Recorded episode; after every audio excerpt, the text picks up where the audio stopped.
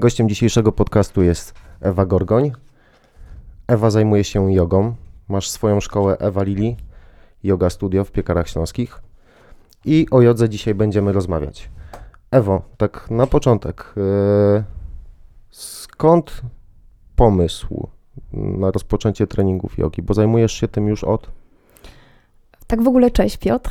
Cześć. Dziękuję za zaproszenie. E, bardzo mi jest miło, że możemy dzisiaj rozmawiać. E, no, jogą zajmuję się od lat 16, natomiast od tylu lat praktykuję. E, mój pierwszy kontakt z jogą, ucząc jogi, czyli będąc nauczycielem, był 13 lat temu.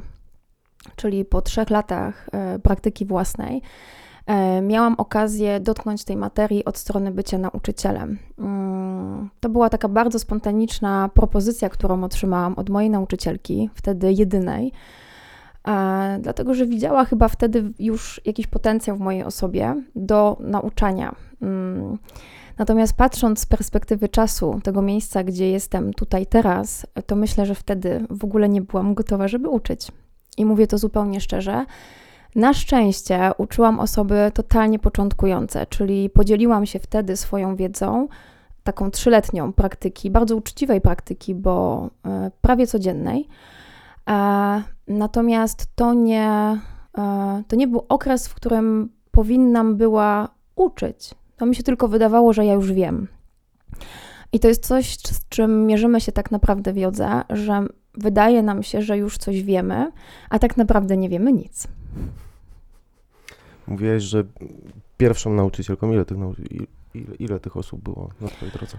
E, no, na pewno kilkanaście osób. E, część z tych nauczycieli, z którymi miałam okazję praktykować, to byli nauczyciele doraźni, czyli nauczyciele, których spotykałam na swojej drodze e, warsztatowej. I uważam, że to były bardzo cenne lekcje, dlatego że warsztaty jogi dla mnie są najcenniejsze ponieważ mamy okazję praktykować z różnymi nauczycielami, którzy dzielą się swoim jakby podejściem do praktyki jogi. Yoga jest w ogóle tak szerokim tematem, że nadal myślę, że wiem o tym niewiele, mimo tylu lat praktyk. I mam do tego tematu bardzo duży szacunek i pokorę, ponieważ e, samych stylów jogi jest bardzo wielu, więc e, patrząc na tych nauczycieli, to jakby wyciągałam z tych warsztatów bardzo wiele i to też jakby ukształtowało mnie e, pod kątem tego, jakim jestem nauczycielem teraz. Miałam takie szkoły jogi, w których praktykowałam po kilka lat i ta pierwsza na pewno szkoła jogi, myślę, że to była bardziej trochę jednak yoga pilates, niestety, ale użyję tego słowa. Mało tam było elementu mm, energetycznego, duchowego, w ogóle go nie było. Był tylko element cielesny. Ćwiczenia fizyczne jako takie. Tak, ćwiczenia fizyczne, bo myślę, że też współczesny człowiek e, niestety, ale e, przede wszystkim tak kojarzy jogę, czyli kojarzy ten aspekt tak zwanych asan, czyli pozycji jogi.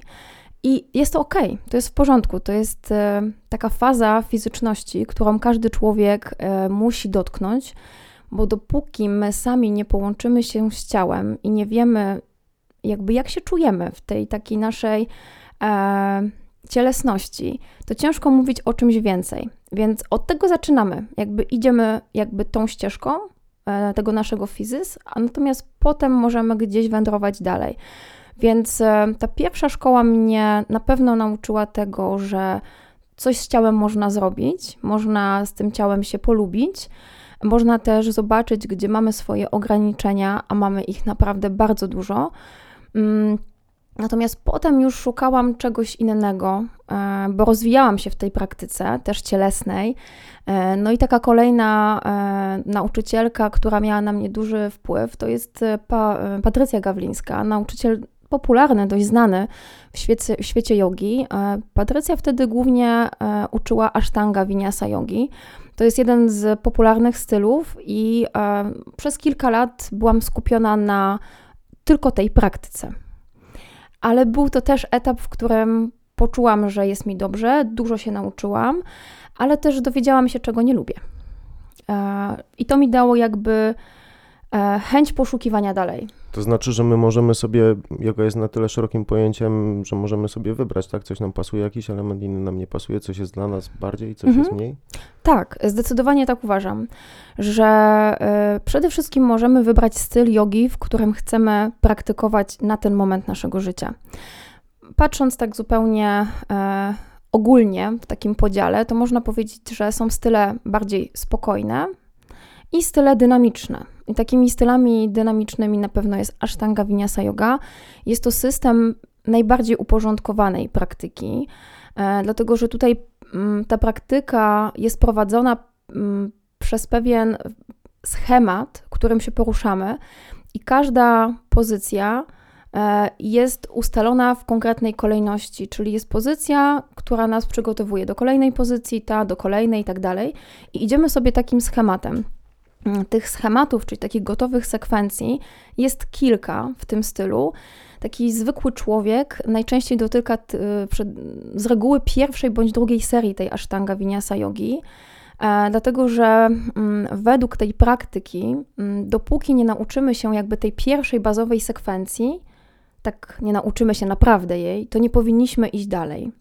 No i w zależności od tego, w jakiej szkole jogi się znajdziemy, czy bardziej otwartej, czy może takiej ortodoksyjnej, no to możliwe, że będziemy tylko praktykować tą pierwszą serię przez całe życie, a może w innej szkole dotkniemy drugiej bądź trzeciej serii. Praktykując mm, asztangę mm, w tej drugiej szkole, która na mnie mocno wpłynęła, nie praktykowałam nigdy drugiej serii tej praktyki. Przez 6 lat robiłam tylko tą jedną serię codziennie. Przez 6 dni naprawdę, bo jeden dzień e, powinniśmy przekazać na, poświęcić na regenerację i odpoczynek, więc jakby tak się nad tym zastanowić, to ta praktyka ma największą w sobie dyscyplinę. Tam jest po prostu konkret, kiedy praktykujemy, kiedy nie praktykujemy e, i jak ta praktyka wygląda. I mogłoby się wydawać to nudne, natomiast uważam, że jeżeli ktoś się naprawdę zakocha w tym stylu, to będzie wiedział, że to w ogóle nie jest nudne, bo nasze ciało codziennie też się inaczej czuje, mm, ale też nasza psychika jest w innym momencie każdego dnia, więc niby wykonujemy te same ruchy ciałem, ale jeżeli skupić by się na tym aspekcie oddechowym, który jest bardzo istotny w tej praktyce, i aspekcie energetycznym, to tak naprawdę robimy codziennie coś innego. No tylko tutaj zawsze mi się pojawia taka lampka w głowie, kiedy taki jogin praktykujący tak naprawdę poczuje, o co w tej praktyce chodzi. Bo z tym najczęściej jest największy problem, że ktoś próbuje, mówi, o kurczę, to jest cały czas to samo, to jest nudne, to szukam czegoś dalej. I tam by trzeba było troszeczkę w tej rzece pobyć, żeby tak naprawdę dowiedzieć się, o co w tej e, praktyce chodzi. No i tak patrząc jakby zupełnie w drugą stronę, jeżeli dla kogoś taka, bo to jest dynamiczna praktyka, intensywna też dla ciała, jeżeli ktoś się absolutnie w tym nie czuje, albo na przykład jest osobą, która ma e, ciało niesprawne, mm, jest kontuzjowana, e, może boryka się z jakąś chorobą, może ta praktyka być dla niej za intensywna, jeżeli nie trafi na dobrego nauczyciela, wtedy może warto wybrać inny styl jogi, który będzie troszeczkę łagodniejszy dla nas na początek i który nas nie zniechęci, bo to też jest istotne, żeby ta praktyka pokazała nam, jogi, że my możemy w ogóle to wykonywać, nie? Bo przychodząc na zajęcia, nie wiem, dostaniemy coś mega skomplikowanego, no i człowiek tak po prostu powie, no kurczę, no nie jestem w stanie wykonać połowy z tych ćwiczeń, no to idę do domu, tak? Już nie więcej wychodzi mi, już więcej tu nie Tak. przyjdę, nie będę Mhm. tego robił, no standardowo, nie? Dokładnie, nie? Więc Jest za ciężko. za ciężko. Więc y, no, w mojej też szkole jogi jest tak, że proponujemy przeróżne praktyki. To znaczy o różnej intensywności i wykorzystujące różne style jogi, tak żeby móc troszeczkę tak powędrować po tych zajęciach i też poczuć, co my najbardziej lubimy na ten moment, w którym jesteśmy, nie?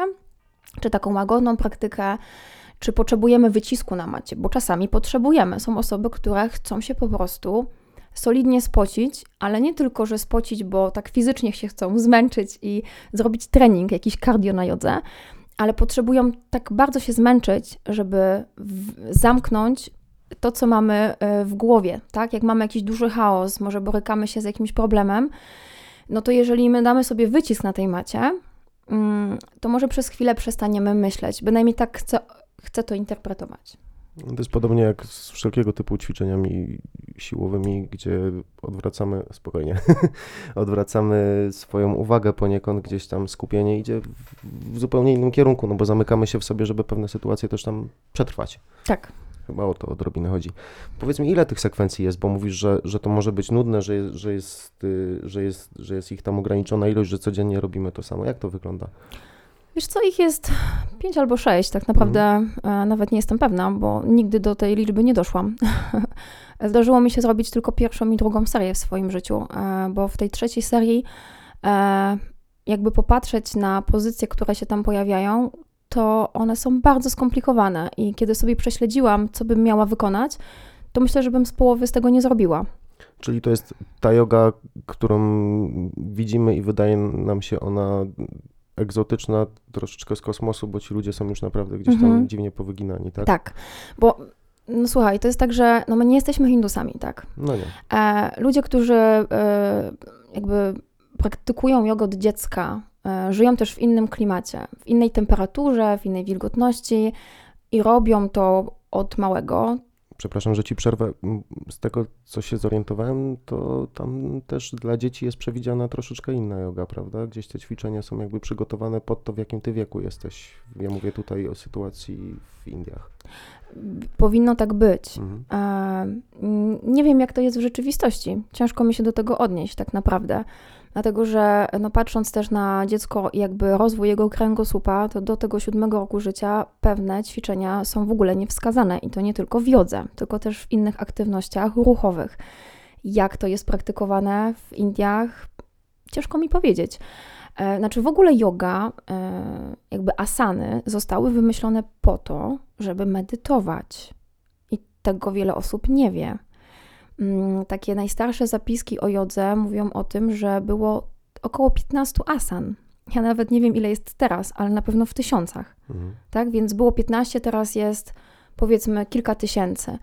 Te kilka asan, które zostało wymyślonych, e, to były pozycje, które miały przygotować ciało do wygodnej pozycji medytacyjnej, czyli siedzącej pozycji. No bo jeżeli wyobrazimy sobie chociaż e, no taki najbardziej znany lotos, tak, wszystkim, gdzie widzimy tych joginów zaplątanych w ładną e, pętelkę, no to nie każdy jest w stanie tak usiąść. E, Chociaż ja nie medytuję w tej pozycji w ogóle. Nie medytuję w lotosie, chociaż kocham lotos, wykonuję go bez problemu. To nie wiem, czy bym chciała siedzieć 20 minut na przykład, czy pół godziny, zawinięta aż w taką pętlę, bo moje kolana mogłyby się do końca nie radować po tych 30 minutach. Przestajesz medytować, zaczynasz koncentrować się na tym, co ci przeszkadza. Tak, no jest takie podejście w buddyzmie, które mówi o tym, że jeżeli boli cię coś w ciele, to jest okej, nie? Bo wtedy naprawdę jesteś w tu i teraz, bo jesteś w tym bólu, w tym kolanie, w tym biodrze, w tej kostce.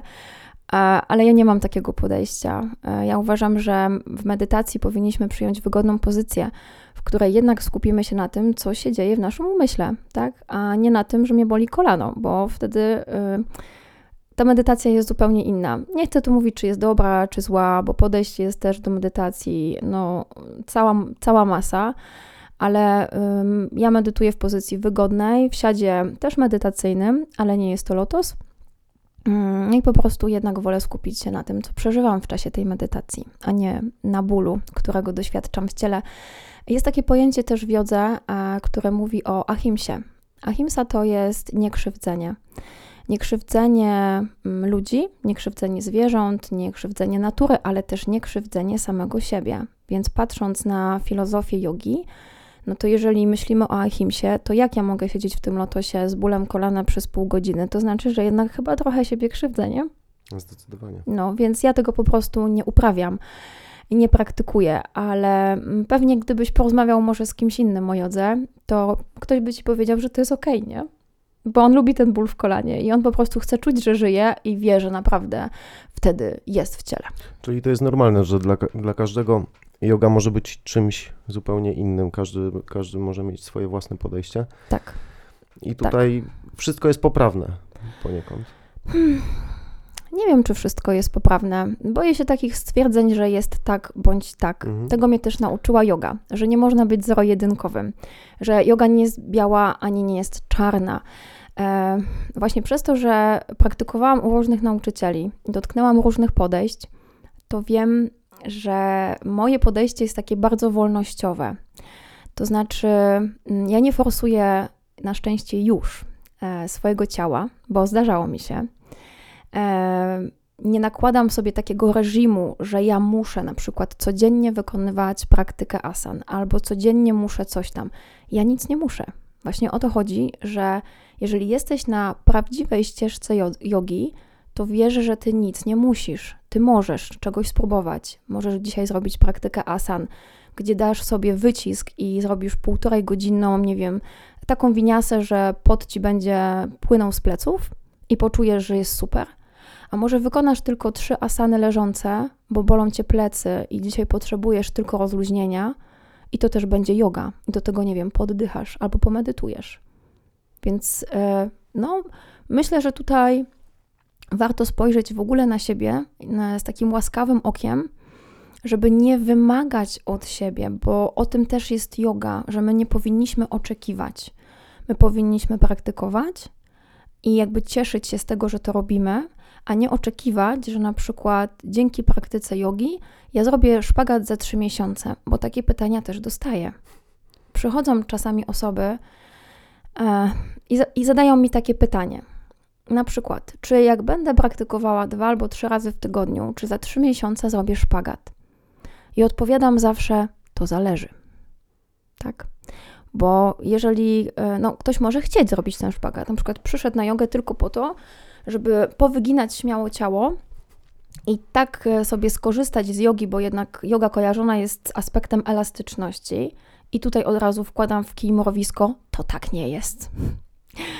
E, Ale jeżeli ktoś tak sobie założył, nie? że on sobie wybierze na przykład takie zajęcia, które mam w grafiku, elastyczne ciało się nazywają, nie? więc jak on tam będzie chodził, to na pewno za trzy miesiące to ja to zrobię, nie? Tylko, że ja, ja widzę człowieka, ja go jeszcze nie widziałam na macie, nawet nie wiem na jakim etapie on jest w ogóle z jakąkolwiek e, elastycznością. I jak w ogóle mogę na takie pytanie odpowiedzieć? Ja myślę, że gdyby się uprzeć, to dzisiaj Piotr zrobisz szpagat. Nie? Tylko, że już niego, z niego nie wstaniesz. Mm, Tak. Prawda? Można, Można. można. Więc gdyby ktoś potrzebował odpowiedzi, to tak, można w trzy miesiące zrobić szpagat. Tylko pytanie, jakim kosztem? Jakby, co takie forsowanie ciała na przykład przez trzy miesiące spowoduje w naszym ciele? Jakie ubytki? E, czy my to ciało po prostu uszkodzimy? Możemy sobie naderwać przywodziciele ud. To nie jest trudno zrobić. Ja zawsze mam inne pytanie w takiej sytuacji. Jak długo zamierzasz ćwi- ćwiczyć? Bo to jest też tego typu Tak. kwestia. No, dokładnie. Tacy ludzie, którzy się pokazują właśnie z pytaniem, nie wiem, tam za 3-4 miesiące zrobię szpagat, to są ludzie, którzy zostają na dłużej? Ja wiem, że tutaj nie ma jakby jednego klucza, to są takie zero-jedynkowe pytania, Nie, ale nie zostają. jednak. Nie, nie zostają. E, wiesz, to jest tak, że mm, ja nikogo jakby na siłę e, nie będę trzymała, bo ktoś wybiera jakąś rzecz dla siebie z jakichś różnych pobudek. I one są ogólnie dobre, bo jeżeli ktoś w ogóle chce ćwiczyć, to uważam, że ma dobre intencje, tak? Bo chce coś porobić dla siebie. To, że ktoś potrzebuje sobie coś udowodnić, to znaczy, że jest na etapie swojego ego. I na tym etapie byłam, myślę, jeszcze też całkiem niedawno, bo to jest ogromny proces. My na początku, zaczynając praktykę, często praktykujemy ją z poziomu naszego umysłu, czyli tego takiego poganiacza trochę, nie? Da, Co, coś nas musiało popchać do tego, żebyśmy się znaleźli w, na tych zajęciach. Tak. Coś jest. Y, oczywiście z czasem, jeżeli ktoś chodzi dłużej, najczęściej poznaje te powody, mniej lub bardziej, bo też nie każdy chce się tak otworzyć, ale to można też zobaczyć na macie. Już po tylu latach ja to po prostu widzę, nawet nie zadając to pytanie, po kwestii tego, jak ktoś oddycha, jak na tej macie się zachowuje, czy potrafi na przykład się relaksować. Nie? To jest takie, taka asana, shavasana w jodze, która pokazuje nam naprawdę, gdzie my jesteśmy. Nie? Jakby z czym my się borykamy e, w tym momencie. Nie? Bo dużo osób przychodzi na jogę też po to, żeby się zrelaksować. I kiedy próbują się zrelaksować, to okazuje się, że to jest najgorsza rzecz na świecie, bo to jest strasznie trudna asana. Tutaj mogę powiedzieć też ze swojego doświadczenia, może to będzie cenne dla, e, dla Twoich e, słuchaczy, mm, że, że shavasana, pozycja relaksacyjna, którą wykonujemy na samym końcu praktyki, ona jest zawsze. Różnej długości, czasami jest to 5 minut, czasami jest to 15 minut, e, zdarza się nam też dłużej. No to jak ja zaczynałam praktykować i kładliśmy się już do tej nieszczęsnej siawasany, to myślałam, że zniosę tam jajko. Te 5 minut, myślałam, że to jest jakieś 3 godziny i że ktoś mnie tam położył za karę. Leżakowanie w przedszkolu. tak, no nawet nie chodziłam do przedszkola, może dlatego, może ja nie mam po prostu tego przećwiczonego. Ja nie leżakowałam. Ja byłam żywym dzieckiem. I, I słuchaj, no my leżymy w tej siawasanie i ja po prostu wszystko mi się dzieje, nie? Swędzi mnie kurde głowa, chce mi się podrapać, przeszkadzają mi leginsy, po prostu wszystko mi przeszkadza. Chłop, który chrapie obok, mam ochotę go po prostu zabić, bo mi też przeszkadza.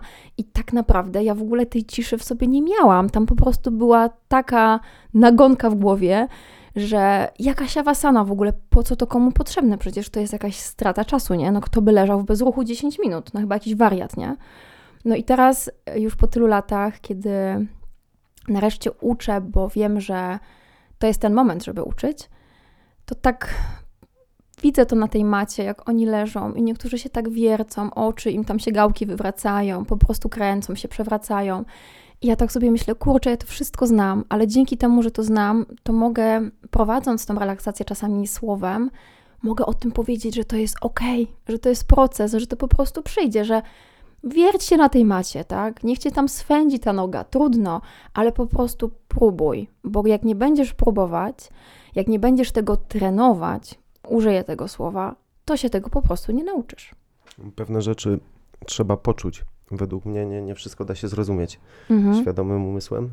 I gdzieś nawet jeżeli ktoś ci coś będzie się starał bardzo dobrze wytłumaczyć, to do momentu, jak ty tego nie poczujesz, to tak naprawdę tego nie, nie rozumiesz.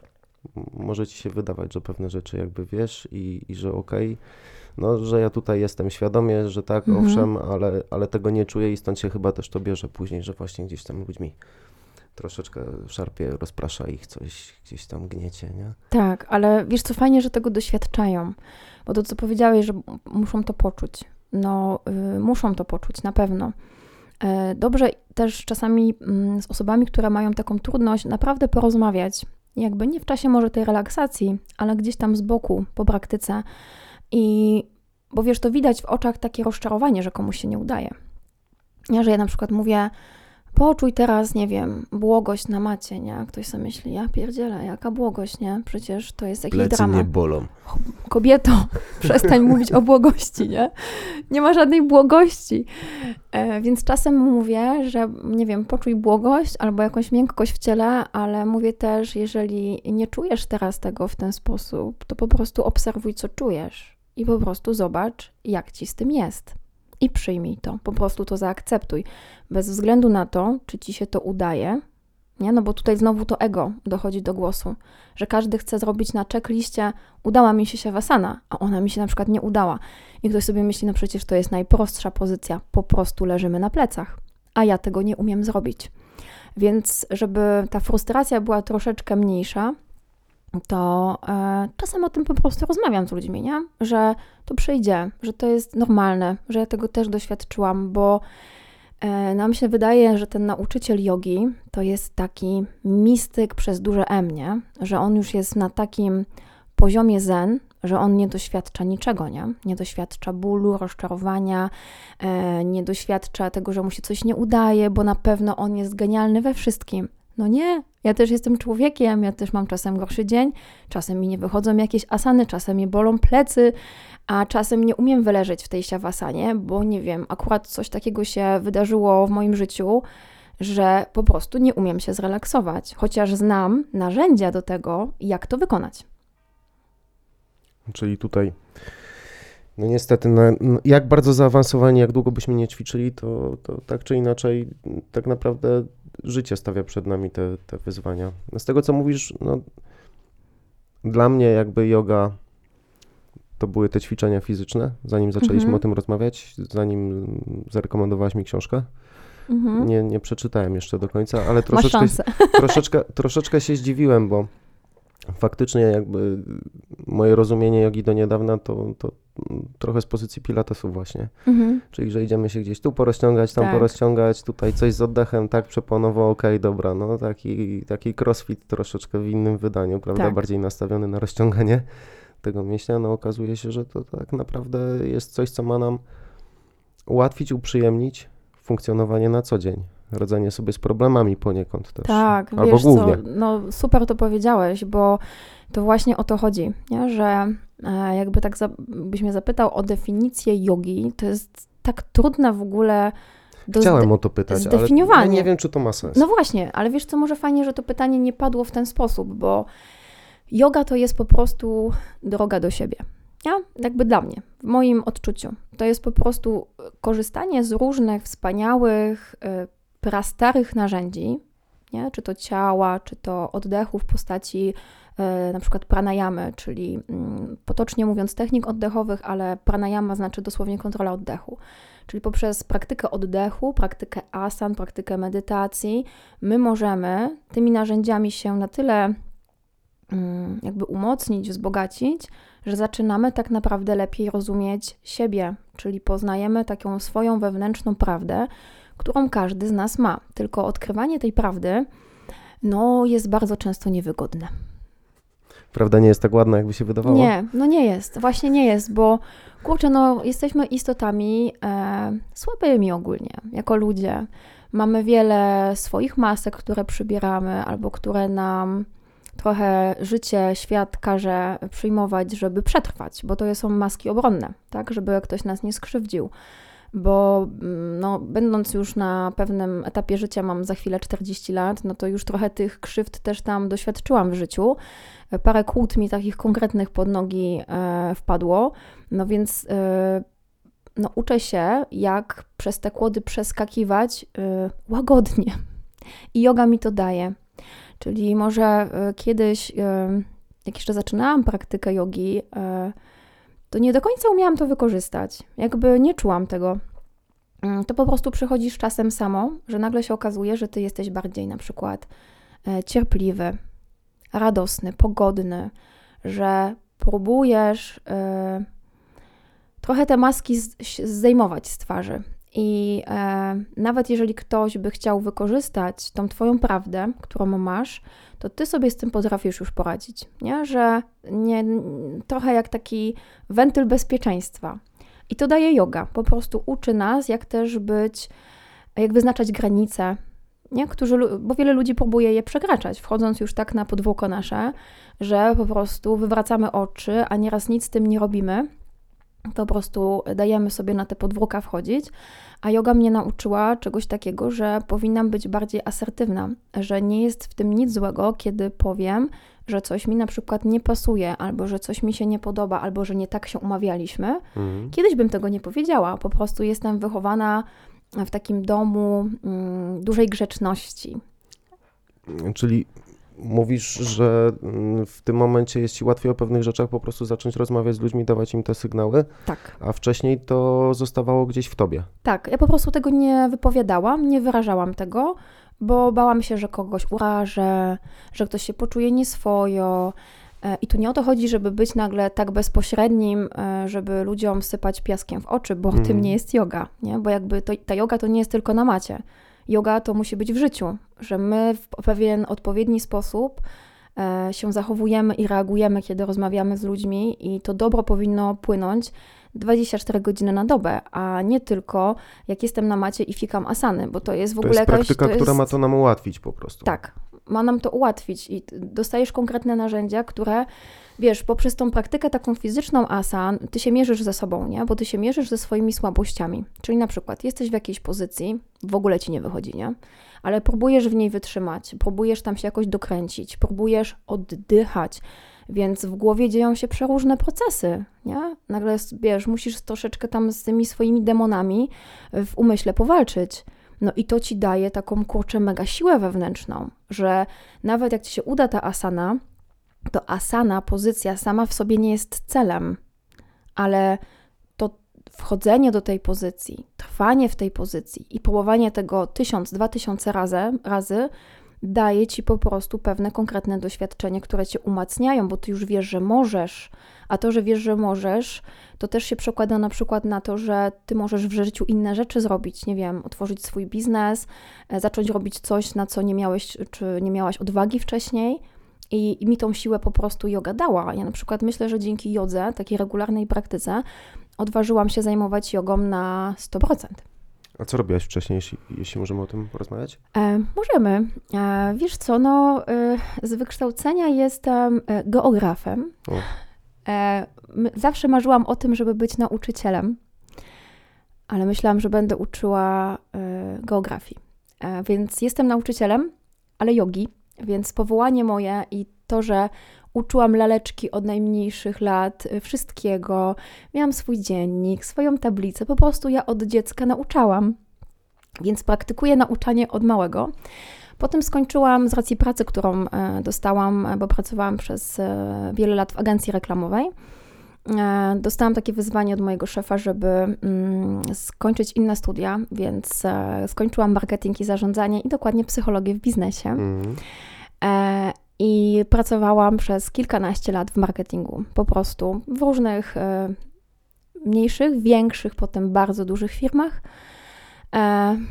na menedżerskich stanowiskach. E, I to mi też e, pozwoliło teraz prowadzić swój biznes. Ja po prostu to, czego, to co robiłam dla innych, e, no, wykorzystuję teraz w prowadzeniu swojej firmy, więc nareszcie mam z tego taki fan prawdziwy.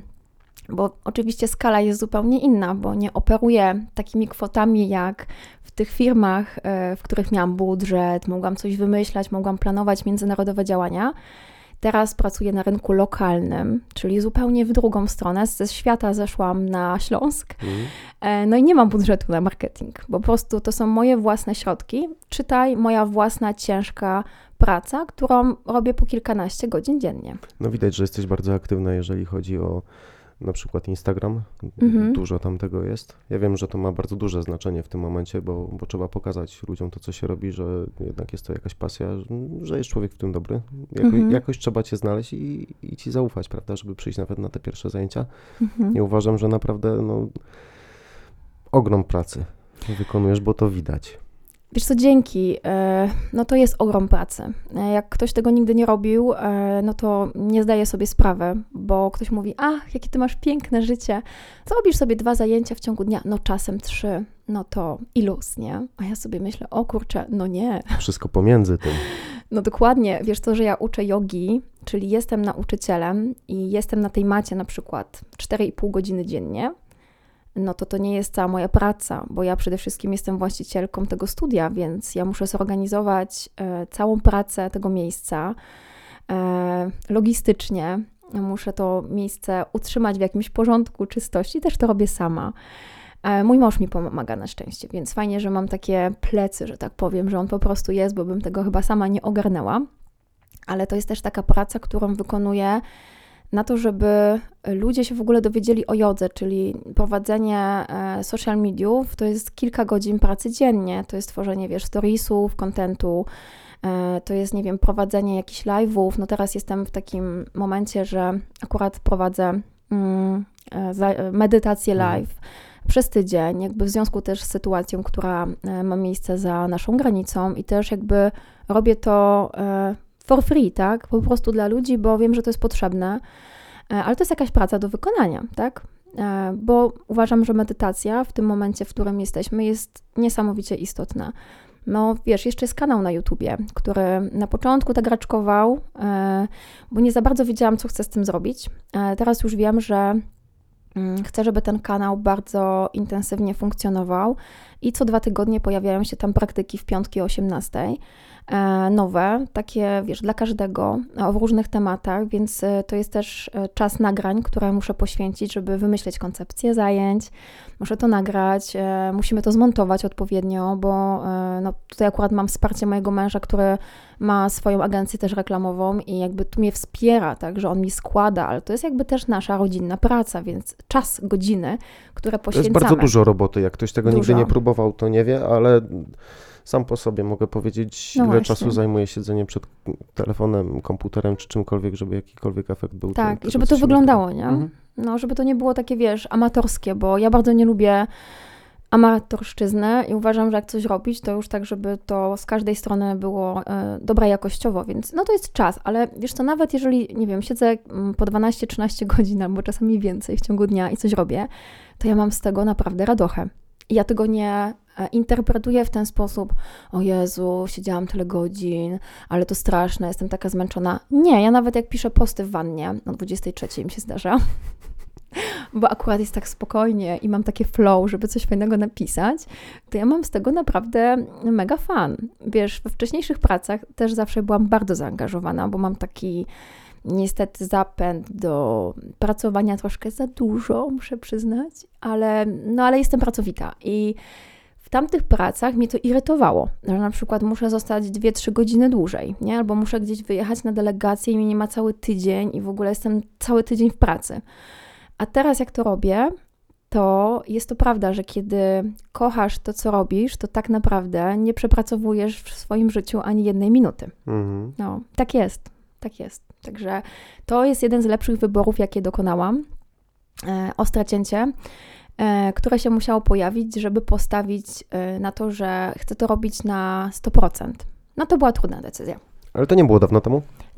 E, To nie było dawno temu, to było dokładnie półtorej roku temu, czyli w pandemii, jak byliśmy takiej w szczycie. Najgorszy możliwy okres. Najgorszy możliwy, ale wiesz co, ja lubię wyzwania. Natomiast ponieważ gdzieś tam mm, doszłam do takiego momentu zawodowego, gdzie już troszeczkę przywitałam dno, e, takie moje wewnętrzne dno, bo to nie było dno jakieś zawodowe, bo miałam super pracę, bardzo dobre zarobki. E, No i ja po prostu stwierdziłam tak wewnętrznie, że ja się z tym w ogóle nie identyfikuję, bo dla mnie w życiu od zawsze nigdy nie były pieniądze na pierwszym miejscu. One są bardzo ważne, każdy ich potrzebuje, ja, ja je też potrzebuję. I myślę, że jako ludzie lubimy mieć pieniądze, ale mm, nigdy nie czułam, że pieniądze są numer jeden. I wiem, że to się powie, a może tak mówi, bo to tak dobrze brzmi. Nie, serio, dla mnie zawsze była ważniejsza relacja i jakby to, jak ja się w tym czuję, jak coś robię. E, Więc najczęściej, jak byłam w jakiejś firmie i już czułam, że trochę buty są za ciasne, to szukałam czegoś innego i zawsze kończyłam tą pracę w świetnym momencie swojej kariery. Nigdy to nie było moment, że coś mi się nie udawało, więc ja musiałam zmieniać. Nie, ja to po prostu robiłam najczęściej w jakimś takim szczytowym momencie swoim. Po prostu czułam, że ja chcę iść gdzieś dalej. E, I tutaj chyba intuicja po prostu gdzieś mi tam szeptała: Słuchaj, idź, nie? To jest ten moment. No i był taki moment, że zadałam sobie to pytanie: po co ja to w ogóle robię, nie? Co mi to daje? No i odpowiedź była tylko jedna: pieniądze. I mówię: Nie, no to ja tego nie chcę. No i przyszłam do domu. Oczywiście tam się nazbierały różne takie sytuacje, które jakby mm, spowodowały, że to pytanie w ogóle sobie zadałam, ale przyszłam do domu i powiedziałam do mojego męża: Mówię, słuchaj, jutro się zwalniam. Mina jego była bezcenna. Mm, Myślę, że nie oddychał przez dłuższy czas. Myślę, że miał taki lekki atak serca. E, No i kiedy już zrobił wydech, no to zaczęliśmy o tym rozmawiać. No i no nie cieszył się. Na początku się nie cieszył, ale potem powiedział, że okej, jeżeli tak czujesz, bo mnie już jednak trochę zna, no to dobra, no to do it, nie? No i tak jak powiedziałam, tak zrobiłam. Ja jestem bardzo konkretna. Jak powiem A, to mówię od razu B i jest C i dochodzimy do Z, e, bo nie mam słomianego zapału. Po prostu, jeżeli już coś wyartykułuję, to to się po prostu dzieje. E, Moi rodzice mieli też zawał. Rodzina cała w ogóle stwierdziła, że oszalałam. A ja mówię, no ale słuchajcie, no przecież robię to kilkanaście lat. No ale, ale odpowiedź była taka, no dobrze, no ale to jest przecież twoja pasja, nie? Masz inny zawód, masz dwa kierunki studiów skończone, masz świetną karierę zawodową. Co ci strzeliło dziecko do głowy, nie? A ja mówię, mamo, ale ja chcę być szczęśliwa, ja chcę robić to, co kocham. I ja nareszcie wierzę w siebie, nie? Bo to jest coś bardzo ważnego, że ja poczułam naprawdę, że ja w siebie wierzę. I jeżeli robimy coś z poziomu serca i takiego głębokiego przekonania, że ja jestem w czymś dobra i że mogę to robić, to po prostu w to poszłam. A wiesz, miałam taki moment przejściowy, że pracowałam e, w takiej dużej firmie i e, jednocześnie po tej pracy e, uczyłam w różnych miejscach jogi, więc miałam trochę taki moment, żeby troszkę się jeszcze posprawdzać, bo od tamtego czasu, kiedy uczyłam na początku jogi, miałam taką dużą przerwę w nauczaniu.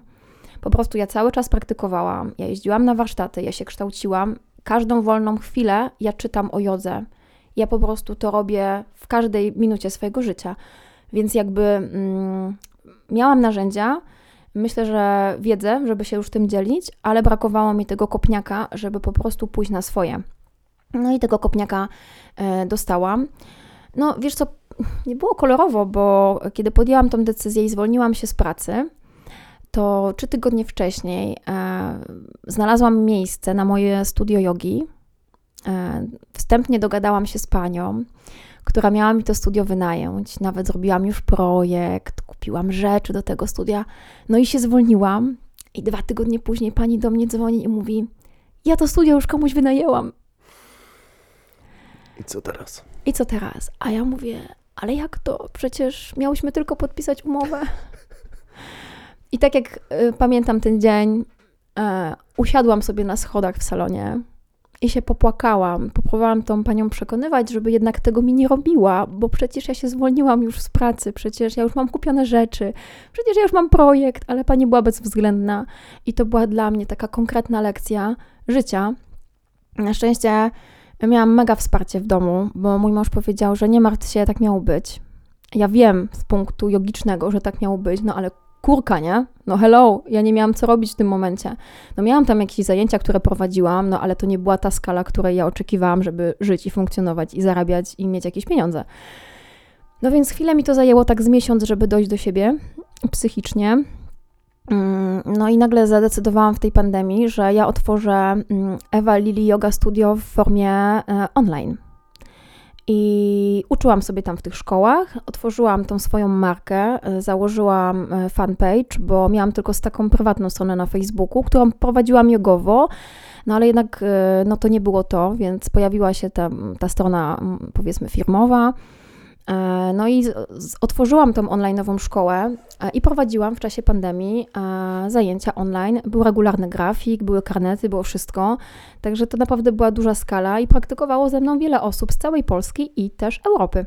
O, Tak, znaczy zajęcia były po polsku, bo to y, były osoby, które no, są jakby od nas, tak? Tylko gdzieś tam wyjechały w świat i e, po prostu szukały jogi po polsku, online'owej. No i też jakby znalazły mnie, więc e, miałam takich odbiorców. Prowadziłam warsztaty online'owe. Mm, No i tak to trwało około 6-7 miesięcy, mm, aż tu nagle pojawiło się to miejsce, w którym jestem teraz. One po prostu zostało mi zesłane. Nie wiem, to jest. przyciągnęłaś. Wiesz co, ja jej przyciągnęłam, to jest fajna historia, dlatego że ja wierzę w prawo przyciągania. Mm, I to miejsce, w którym teraz jestem, przepiękna kamienica z ogromnymi oknami, to zanim to miejsce wynajęłam, niecałe dwa lata przed tym momentem, załatwiając coś na mieście, ja stanęłam pod tą kamienicą i ją podziwiałam. Jaka ona jest piękna, jakie ona ma duże okna. W ogóle jestem fanką przeszkleń, dużych okien, open space'ów i w ogóle takiej minimalistycznej przestrzeni. E, No i mówię, ja bym tak sobie siedziała na parapecie z książką, tak bym zerkała na te wieże, które widziałabym z tych okien. Ja to po prostu, słuchaj, ja to sobie mówiłam sama. No ale wiesz, e, poszłam załatwiać sprawę, nie? Temat kamienicy, w ogóle zapomniałam o tym.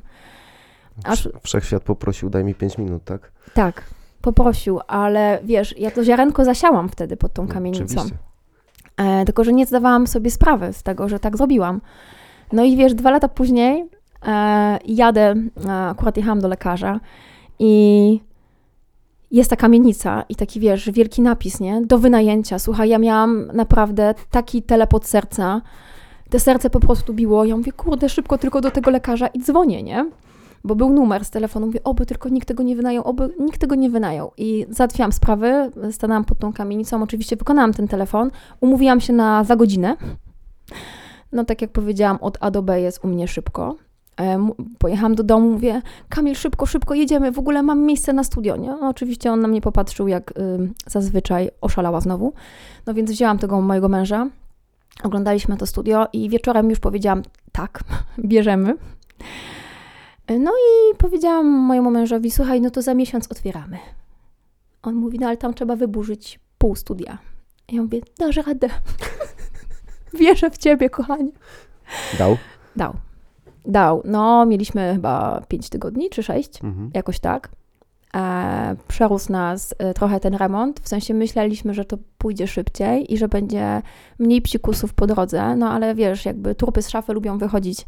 Też tak było, ale tak jak sobie to wymarzyliśmy, tak to wygląda. Pracowaliśmy bardzo dużo, e, większość własnymi środkami e, i jakby siłą własnych rąk. Mojego męża, swoją własną, mojego taty, mojego teścia, przyjaciół, którzy nam bardzo pomagali i kilku firm, gdzie no, potrzebowaliśmy jakichś ekspertów do, nie wiem, jakiegoś tam wody, innych takich dziwnych rzeczy, światła, no bo tutaj się tak nie znaliśmy za bardzo na tym.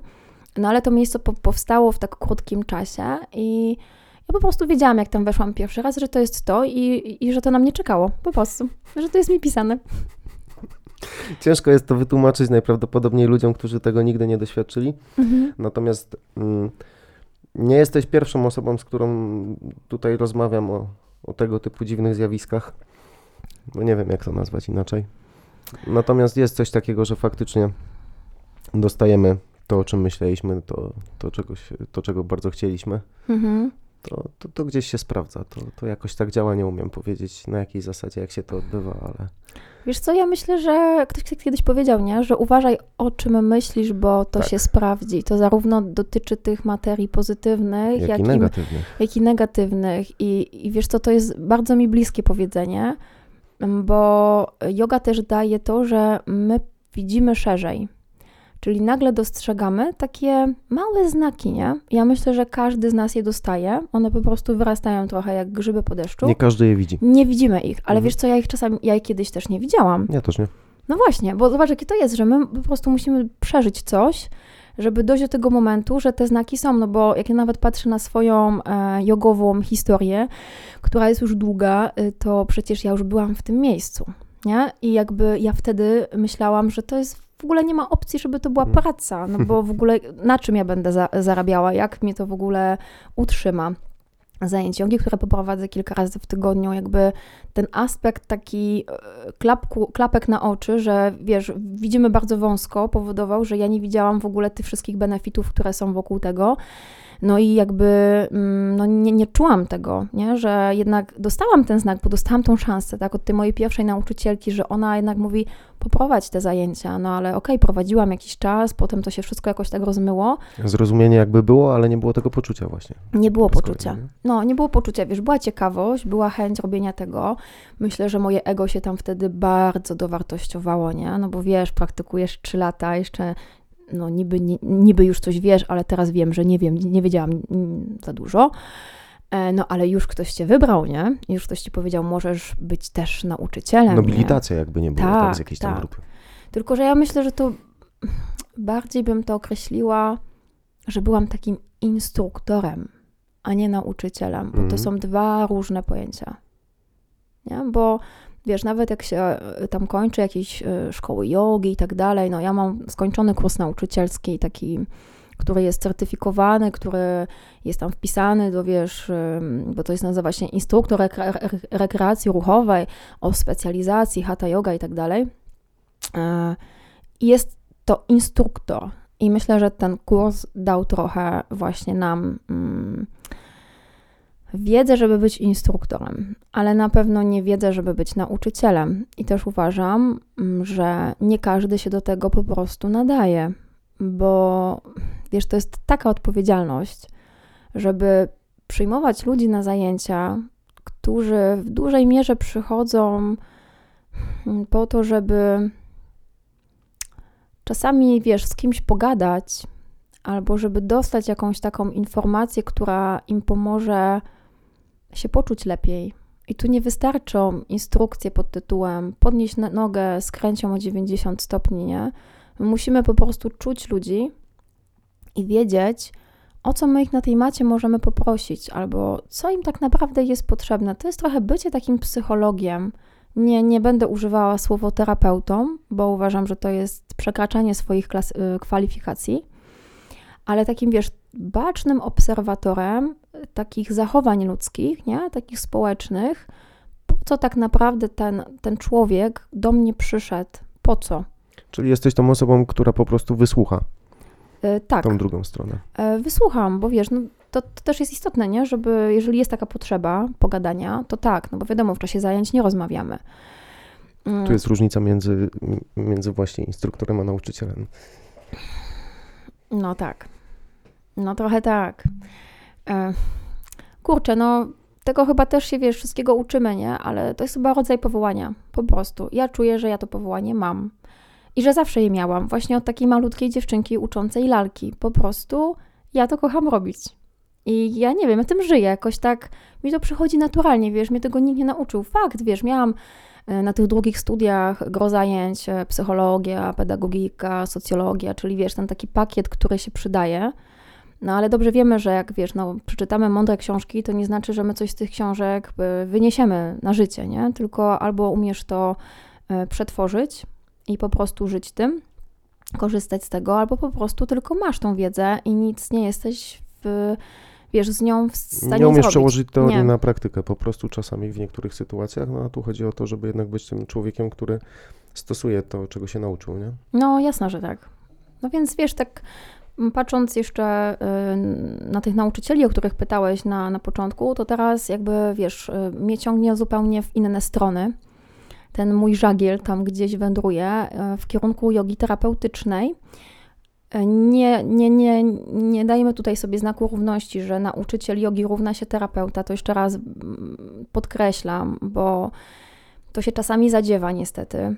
A my nie jesteśmy terapeutami, my nie jesteśmy psychoterapeutami, my nie mamy takich kompetencji, natomiast yoga w pewnym stopniu, taka lecznicza yoga, właśnie terapeutyczna, to chodzi o takie holistyczne podejście do praktyki jogi, czyli e, zajmujemy się ciałem, tak, ale zajmujemy się też tą warstwą emocjonalną. I ja o tym mówię na zajęciach, że, że możesz coś poczuć, nie? I dobrze w ogóle wiedzieć, że na przykład, jeżeli my zaczniemy płakać na zajęciach, bo to się zdarza, ktoś robi jakąś asanę i zaczyna płakać.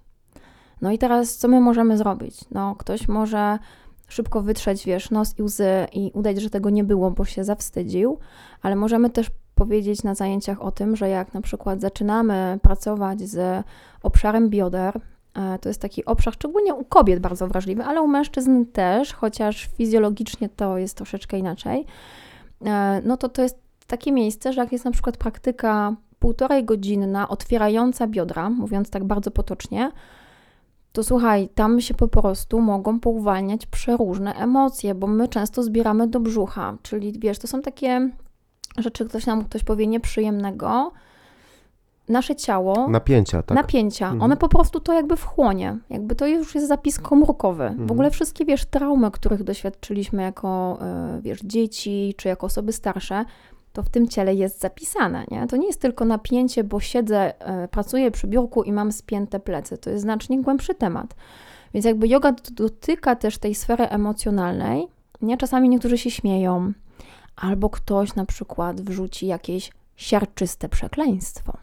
Doświadczyłam tego na swoich zajęciach, że osoba, która bardzo spokojna, bardzo grzeczna, wykonywała pozycję jaszczurki, bo nawet pamiętam, jaka to była asana, i nagle padło pewne niecenzuralne słowo wypowiedziane bardzo głośno. Cała sala, wiesz, milcząca, w ogóle o co chodzi, nie? No i teraz ktoś się musi, może zastanawiać, ale dlaczego ja to zrobiłam, nie? No właśnie ktoś uwolnił coś, co miał gdzieś zapisane w ciele. Więc no, pracujemy z tą warstwą emocjonalną i też pracujemy z warstwą e, mentalną. Bo na jodze, wiesz, jest mnóstwo osób, które no, zmaga się z na przykład depresją, nie? zmaga się z jakimiś mm, psychicznymi problemami. E, O tym się w Polsce mówi bardzo mało, na świecie bardzo dużo. Ja też jakby tego nie rozumiem, dlaczego choroba psychiczna jest taka bagatelizowana. To jest albo bagatelizowane w Polsce, albo jest to tak troszeczkę nawet,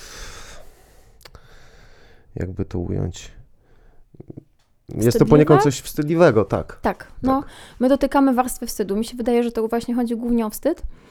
E, No dobrze, no ale wiesz, jak na przykład bolą cię plecy, nie? Mhm. No to nie jest to wstydliwe, nie? Jak masz Nie. problem z biodrem, to powiesz, mam problem z biodrem. Ale jak powiesz, choruję na depresję, to wierz mi, nagle jest cisza. Bo my nie wiemy czasami, jak się zachować. Co tej Mhm. osobie powiedzieć, z czym my się mierzymy. My nigdy jako nauczyciele nie możemy mówić, że my tą osobę, nie wiem, wyleczymy, spowodujemy, że jej będzie lepiej, ale na pewno jej to nie zaszkodzi.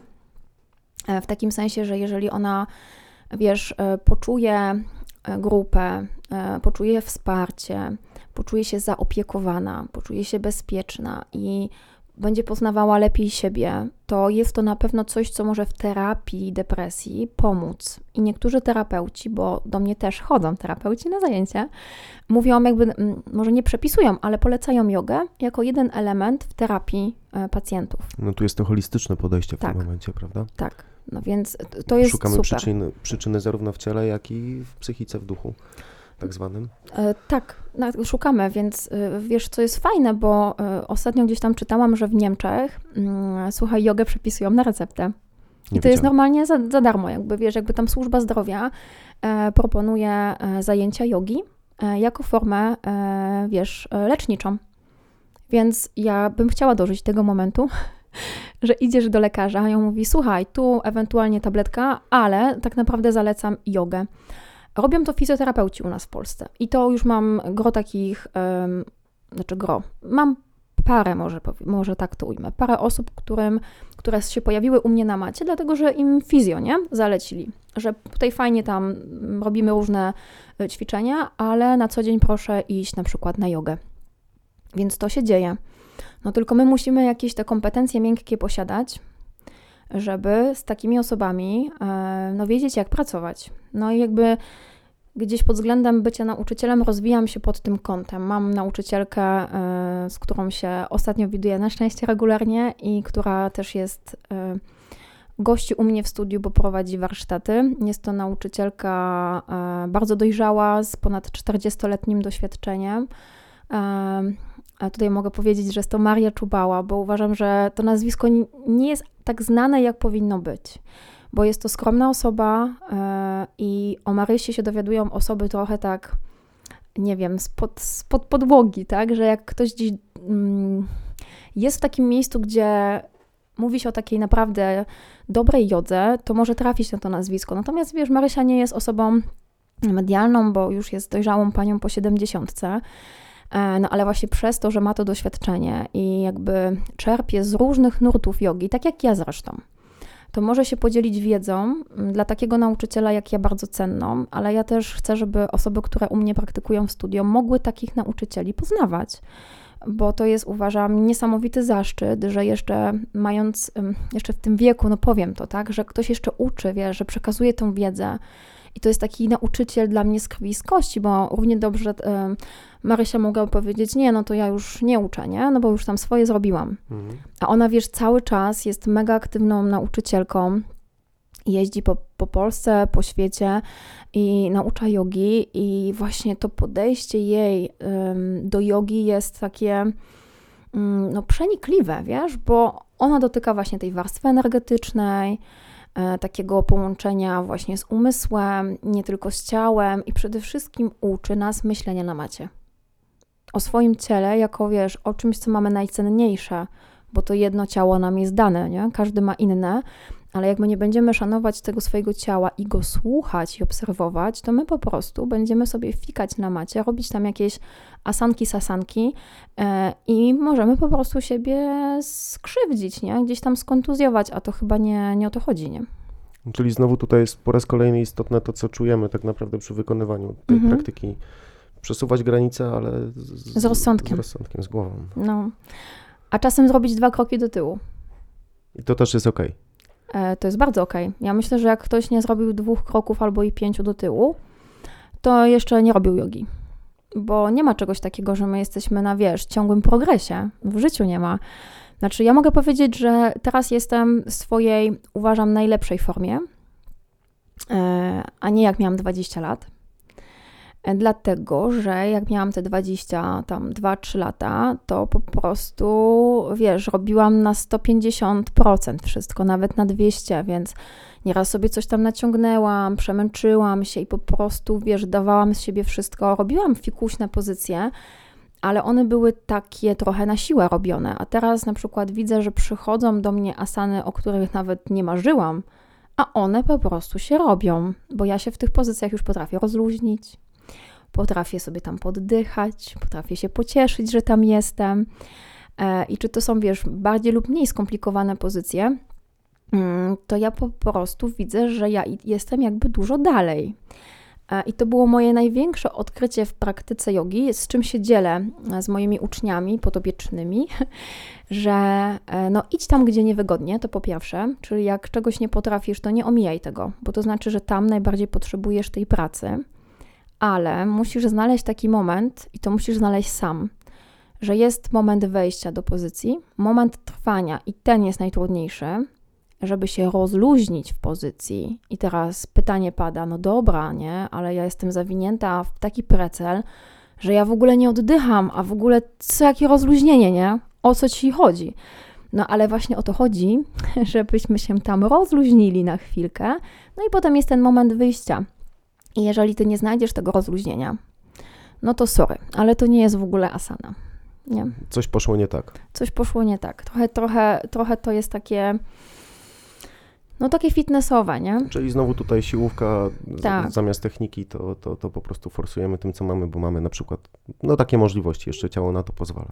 E, No tak, tylko wiesz, to ja czasami tak się boję, nie, jako nauczyciel, bo przychodzą osoby na przykład hiperelastyczne, Mhm. nie? No i wiesz, przychodzą, pierwsze le- zajęcia, lekcja i one robią wszystko. Nie zakładają nogę na głowę, robią szpagat, robią takie mostki, że ja muszę zamknąć oczy na chwilę, bo mam wrażenie, że już kręgosłup jest złamany, ale robią to. Tylko robią to dlatego, że dostały takie ciało, e, gdzie te stawy są no, w nadmiarze elastyczne. Hipermobilność. Tak, jest hipermobilność. No i to jest zmora, nie? I teraz, wiesz, trzeba do tego delikatnie podejść, no bo no nie podejdziesz i powiesz, no nie rób tak, nie? Bo ktoś chce ci pokazać, że umie, a ty mówisz mu, no nie idź tą drogą, ale no jednak z takimi osobami pracuje się trudniej niż na przykład z osobami, które są totalnie nieelastyczne. Nie mężczyźni najczęściej przychodzą, no i rzadko się zdarza, żeby któryś był super elastyczny, ale zdarzają się tacy. Natomiast jest to rzadkie. No bo y, też inaczej jesteśmy zbudowani. Kobiety są bardziej elastyczne, mężczyźni są bardziej silni, więc y, to jest ok. No ale wiesz, osobą, która jest nieelastyczna, jak pracujesz sobie powolutku, to ona wiesz sobie te taśmy tam rozciąga powoli, uelastycznia i to jest zdrowe. A z taką hipermobilną, to ty ją musisz te pięć kroków wycofać z tej nogi na głowę i na przykład zacząć od wzmacniania centrum ciała, bo tam mięśni głębokich brak Mhm. nie ma stabilizacji w centrum, a jak nie ma stabilizacji w, w centrum, no to możesz sobie raz, dwa, trzy uszkodzić kręgosłup. Już nie mówię o stawach, które ci po prostu wysiądą. Na pewno cię kontuzja spotka, czy prędzej, czy później. Wyrobią się stawy za bardzo po prostu Tak. w pewnym momencie, nie? No i to jest trudne, nie? Więc wiesz, to jest dużo takich wyzwań, które są fajne dla nauczyciela, ale musisz cały czas główkować, e, jak w grupie, bo masz grupę, jednak potraktować osoby indywidualnie, nie? No właśnie Żeby miałem, nie zamykać oczu na nich, wiesz. miałem o to pytać, bo przypuszczalnie na zajęciach są osoby, które mają 20 parę lat i są osoby, które mogą mieć 60 parę lat, Mam nawet osoby, które mają 76 lat. czy nawet. Mhm. I teraz jak to zrobić, żeby przy takim przekroju wiekowym każdy coś wyniósł dla siebie? Mhm. Bo to, to mi się wydaje może być pewną trudnością no, z racji na ograniczenia właśnie ciała albo ich braku niektórych Mhm. ludzi. Wiesz co, jest to, jest to kłopot, bo nie powiem, że nie. Mm, Jest to wyzwanie, dlatego że no, tu jest potrzebne już pewne doświadczenie. Bo no, nie możesz założyć, że tą samą pozycję 20-letnia osoba wykona i 70-letnia osoba wykonają tak samo. Przede wszystkim wychodzę z założenia i o tym mówię, że nigdy, przenigdy nie spotkamy się w takim miejscu, że wszyscy będziemy wyglądać tak samo w pozycjach jogi. I ja lubię rozkładać e, na y, czynniki pierwsze, trochę jak z tą cebulą, nie? Metafora cebuli jest wszystkim znana, że my tam te łuski tej cebuli sobie obieramy i trochę jest tak z asaną, czyli najpierw jesteśmy tą cebulą w zewnętrznej warstwie zamkniętą, no i to jest jakby start do pozycji. Czyli pokazuje, szczególnie jeżeli mówię o trudniejszych pozycjach, bo są takie asany uniwersalne, którą naprawdę jesteśmy prawie wszyscy w stanie wykonać, jak pokazuje wariant podstawowy. No i jesteśmy sobie w takim wariancie, na przykład podstawowym, trudniejszej pozycji. No i pojawia się ode mnie informacja, oczywiście cały czas patrzę, nie? Po całej sali, jakby widzę wszystkich, w ogóle wszystkich pamiętam i znam. I jakby pamiętam o ich ograniczeniach, pamiętam o ich kontuzjach, bo z nimi o tym rozmawiam. Więc mam to w głowie. No i teraz, wiesz, mamy też pomoce do jogi, więc są jakieś klocki, jakieś wałki do jogi, paski, koce, z tego wszystkiego możesz korzystać.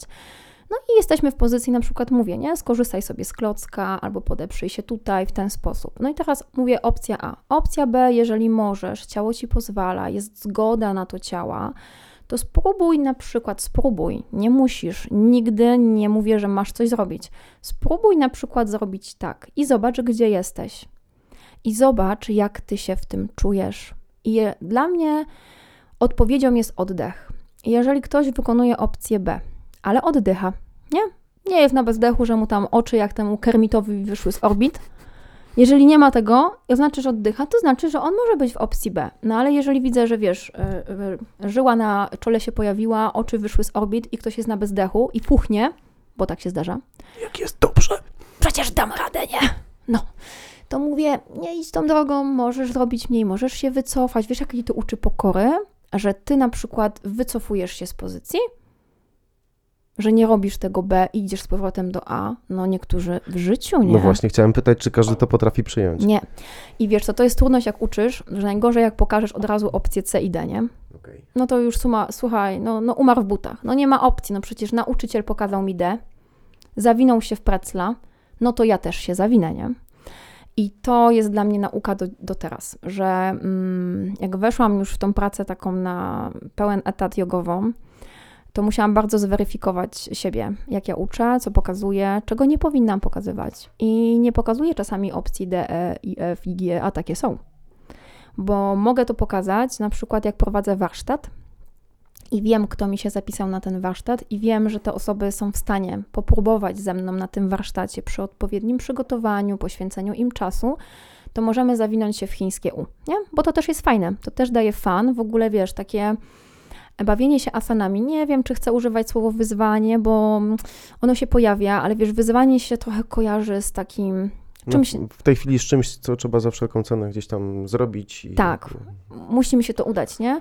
Ale jak y, nazywam to czasami asana z gwiazdką, albo fan asana, wiesz, gdzie się tam pojawia, że próbujemy to zrobić, ale nie jest to celem w samym sobie. Czyli na przykład robimy sobie praktykę do jakiejś mega fikuśnej pozycji, ale wiesz, po godzinie 15, jak już jesteśmy przygotowani wzdłuż i wszerz fizycznie do tego, to sobie próbujemy i też pokazuję kilka wariantów i mówię, zostań tu. Albo nawet wiesz co, podchodzę, dotykam tej osoby i mówię, dzisiaj sobie zostań, tu, tu będzie dla ciebie najlepiej, tu się więcej nauczysz niż jak zrobisz dalej.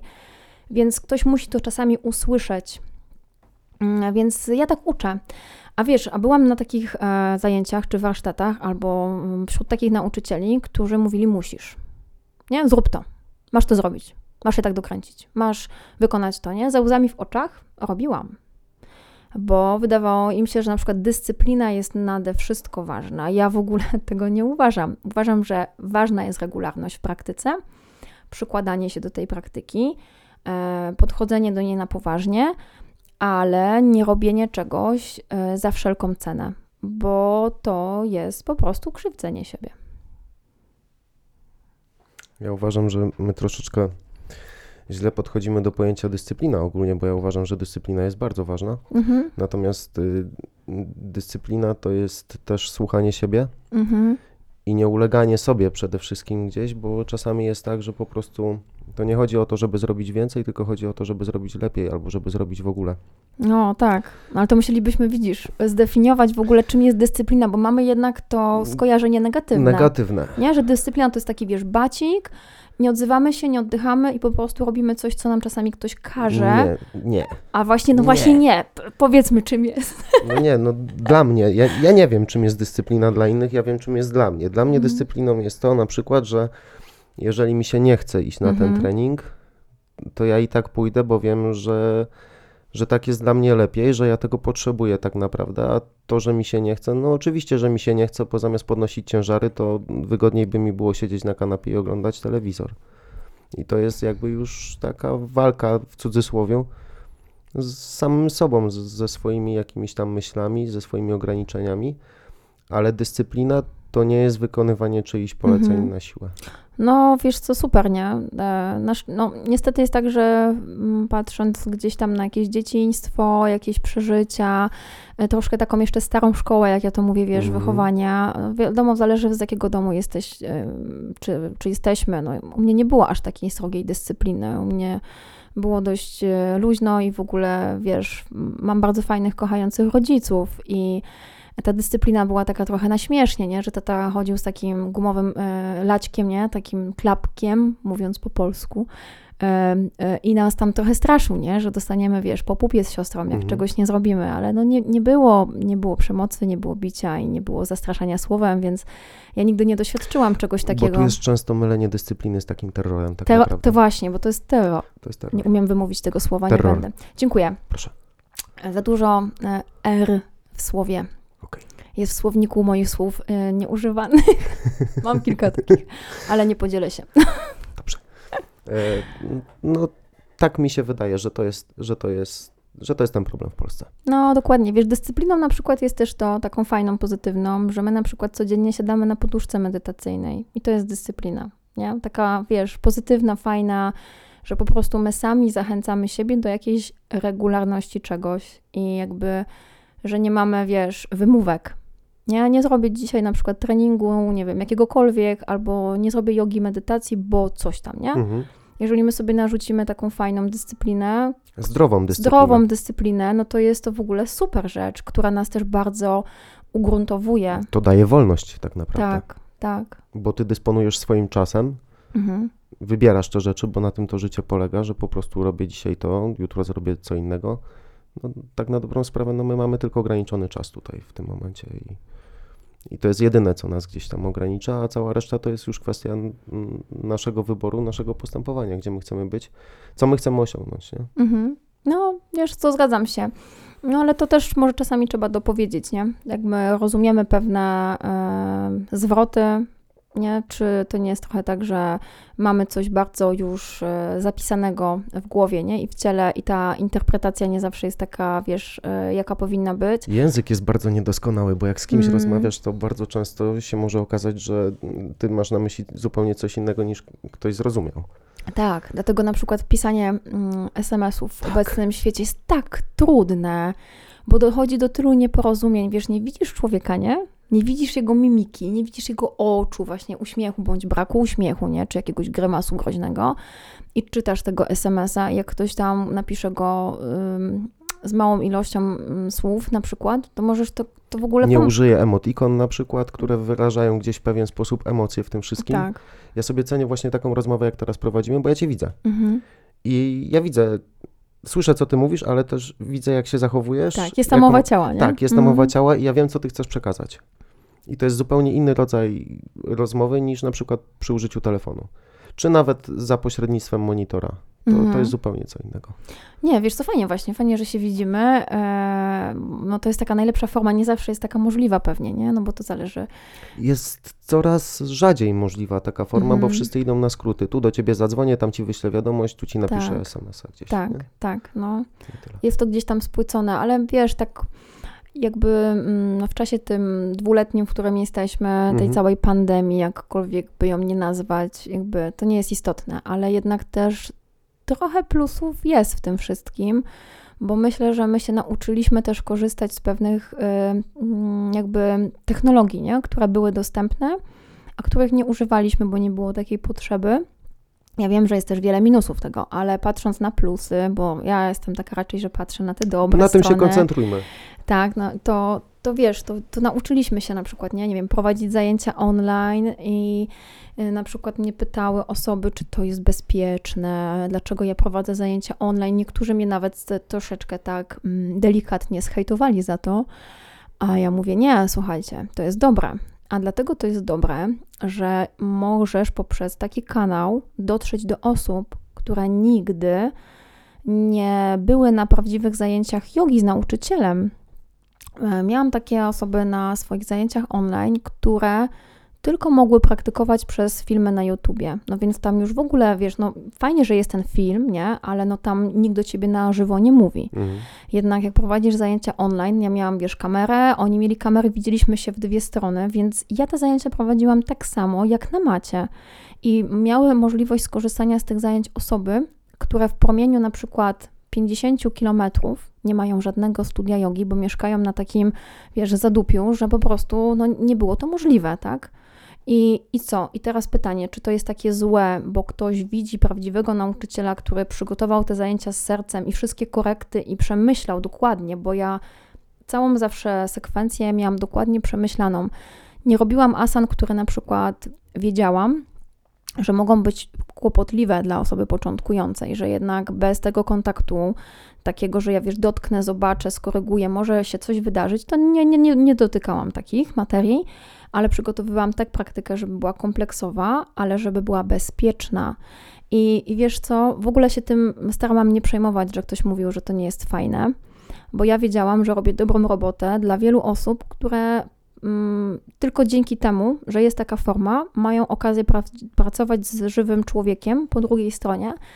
A największą dla mnie nagrodą było to, jak te zajęcia online tam już potem troszeczkę zaczęły wygasać, nie Wrac- wracaliśmy do normalności. Ja też otworzyłam swoje studio, miałam troszeczkę już mniej czasu na prowadzenie takich mm, zajęć online w szerokim zakresie, ale te osoby, niektóre do mnie przyjechały na zajęcia do studia e, z tych bliskich okolic oczywiście. I wiesz co? E, ja się prawie popłakałam, jak je zobaczyłam, dlatego, że one nie popełniały prawie żadnych błędów. Czyli była pełna koncentracja jednak przy tych zajęciach, Tak. wyniosły z tego dużo. Tak, i miałam takie poczucie, że nie zrobiłam krzywdy tym osobom i że jednak to, jak bardzo się do nich przygotowywałam, do tych zajęć, to dało taki efekt na żywo, bo wiesz, że ja byłam bardziej zmęczona po zajęciach online niż po zajęciach na żywo? Ciekawe.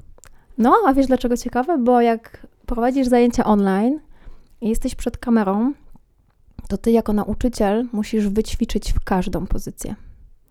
Bo ktoś cały czas na ciebie Patrzy. patrzy Mhm. bo nie ma nikogo obok. I oprócz tego, że musisz wiedzieć, co chcesz zrobić, musisz mówić, musisz tłumaczyć, musisz być na milion procent skoncentrowanym, to jeszcze musisz to wszystko wyćwiczyć. Jak prowadzisz zajęcia w studio, to ja nie muszę wyćwiczyć wszystkiego. Ja w ogóle ćwiczę bardzo dużo, bo ja uważam, że mając wzorzec, ktoś jest to w stanie lepiej przenieść na swoje ciało, więc nie jestem nauczycielem chodzącym, nie ćwiczącym, tylko bardzo ćwiczącym i korygującym też ale mogę czasami zejść z maty, nie, żeby kogoś poprawić, skorygować, coś zrobić, ale wiem, że dalej te osoby ćwiczą, bo mają na sali jeszcze kilkanaście innych, na które mogą popatrzeć mniej więcej, co mają zrobić. A jak prowadzisz zajęcia online, to Jesteś tylko ty. tylko ty. Mhm. Więc ja po takich zajęciach byłam dużo bardziej zmęczona niż po zajęciach e, prowadzonych w studio. Nie? Ciekawe, nie? Zupełnie inne skupienie. Zupełnie. Zobaczysz, jak skończymy rozmowę, że też możesz czuć się lekko zmęczona, bo to jest zupełnie co innego niż jak się rozmawia z kimś gdzieś tam na ulicy. To jest kwestia tego skupienia. Okazuje się, że ten umysł tak naprawdę ile energii pochłania. No nie, ja to czuję już. Ja czuję, że, że jestem skupiona, ale wiesz co, to jest fajne, fajne to jest, podoba mi się to, że e, nie możesz odpływać, nie? Nie. Ja czasami jak z kimś rozmawiasz, to nam się zdarza tak trochę, Tu telefon zadzwoni, tam ktoś coś Odlecieć. powie, tutaj coś rozproszy, tu ptaszek przeleciał gdziekolwiek co innego, a tu jednak No. jest cały czas skupienie, nie? Także mi się wydaje, że to może być podobne do, do, do, do tego, co, co robiłaś właśnie przy zajęciach przez internet, nie? e, tak, no, wiesz, poza tym też e, miałam w głowie, że to będzie nagrane, nie? Tak. E, że to nagranie, bo każdy dostawał zawsze po zajęciach linka z nagraniem, bo nie każdy mógł być na żywo, więc ci, co nie byli, to sobie odtwarzali albo nawet wracali po prostu do tej praktyki, jeśli im się podobała. No i jak wiesz, no masz tą ambicję w sobie i wiesz, że coś zostanie zapisane, tak jak nasza rozmowa dzisiaj, Mhm. czy właśnie te zajęcia online, no to wiesz, to nie ma, że boli, to musi, być, musi to być dobrze zrobione. Trzeba się do tego też przyzwyczaić, bo y, samo to nawet jak y, musisz spojrzeć na siebie później, Mhm. czy posłuchać samego siebie, O no, to już się robi lekko krępujące, prawda? e, tak. Wszyscy tak mają. Wszyscy tak mają w ogóle, wiesz, bo nie słyszymy swojego głosu, nie lubimy go. E, Ja mam delikatną wadę wymowy, e, właśnie związaną z tym moim R, co było dla mnie kłopotem, kiedy zaczęłam na przykład nagrywać pierwsze filmy na YouTube, albo zaczęłam właśnie prowadzić jakieś live, nagrania. Byłam bardzo surowa wobec siebie. Nie przeszkadza to w ogóle. E, dziękuję. Wiesz co, wiem, już teraz wiem, że to nie przeszkadza. Niektórzy nawet twierdzą, że to jest urocze, więc tego się trzymam. Ale ja chyba po prostu polubiłam już ten swój głos. Kwestia akceptacji samego siebie. Mhm. Ja też, wiesz, potrafię mówić w ten sposób, ale ten głos nie jest na tyle jeszcze wytrenowany, żebym cały czas prowadził rozmowę. Tak, dlatego mówię tak, jak mówię. Ale mówisz dobrze, ale czemu byś chciał mówić takim niskim głosem? Nie no, śmieję się, tylko że można jakby wszystko wytrenować, prawda? Gdzieś tam są te głosy mniej lub bardziej radiowe, niektórych się No. słucha lepiej, innych gorzej. Mm, I, I ja też się nad tym zastanawiałem na początku. Mówię, kurczę, no będę gadał do tego mikrofonu, czy ja w ogóle sam siebie będę w stanie słuchać. Nie? No, ale wiesz, jakie to jest wyzwalające pod względem takim energetycznym, jakby to przenieść na jogę. To jest akceptacja samego siebie znowu w jakimś tam stopniu. Tak, ale wiesz, przez to, że my mówimy i mamy te drgania w krytanii, tak, w gardle, Mhm. to my bardzo stymulujemy e, piątą czakrę. Wszystko jest falą, tak? Tak, jakimś przepływem, energią, więc to jest dobre. To jest dobry trening dla, dla nas po prostu. To jak jesteśmy przy falach, przy dźwiękach, Mhm. z mężem działacie Tak. w szkole, co mąż robi? No mój mąż w ogóle jest artystą przede wszystkim. E, mm, jakby jest muzyką związany od e, dziecka, ponieważ e, skończył szkołę muzyczną w klasie perkusji. E, I od nastu lat, znaczy kiedy miał naście lat, bo już ma trochę więcej, e, to g- jakby no jest na scenie, tak? Jest muzykiem, e, grał w wielu zespołach, głównie ska i reggae, w takich klimatach. Natomiast no, jest bardzo wrażliwy na dźwięk, a artystą dlatego, że jest też po studiach plastycznych, więc jakby tutaj te wszystkie graficzne rzeczy, czyli też coś, co wykorzystuje Pracę. w pracy, też się nam przydaje. Ale wracając do dźwięku, mm, nastąpił taki moment, że kiedy już myśleliśmy o, wiesz, otwarciu studia, e, no to ja widziałam to tak, że to będzie taki, wiesz, full pakiet jednak, nie? Czyli to nie mają być zajęcia pilatesu, tylko to, no nie, no, no nie. Ja, wiesz, chciałam, żeby mm, pojawiła się e, prawdziwa relaksacja właśnie z dźwiękiem, bo bardzo wierzę w wibracje e, i to, jak one oddziaływują na komórki naszego ciała i wierzę też w to, że jest nam to obecnie najbardziej potrzebne.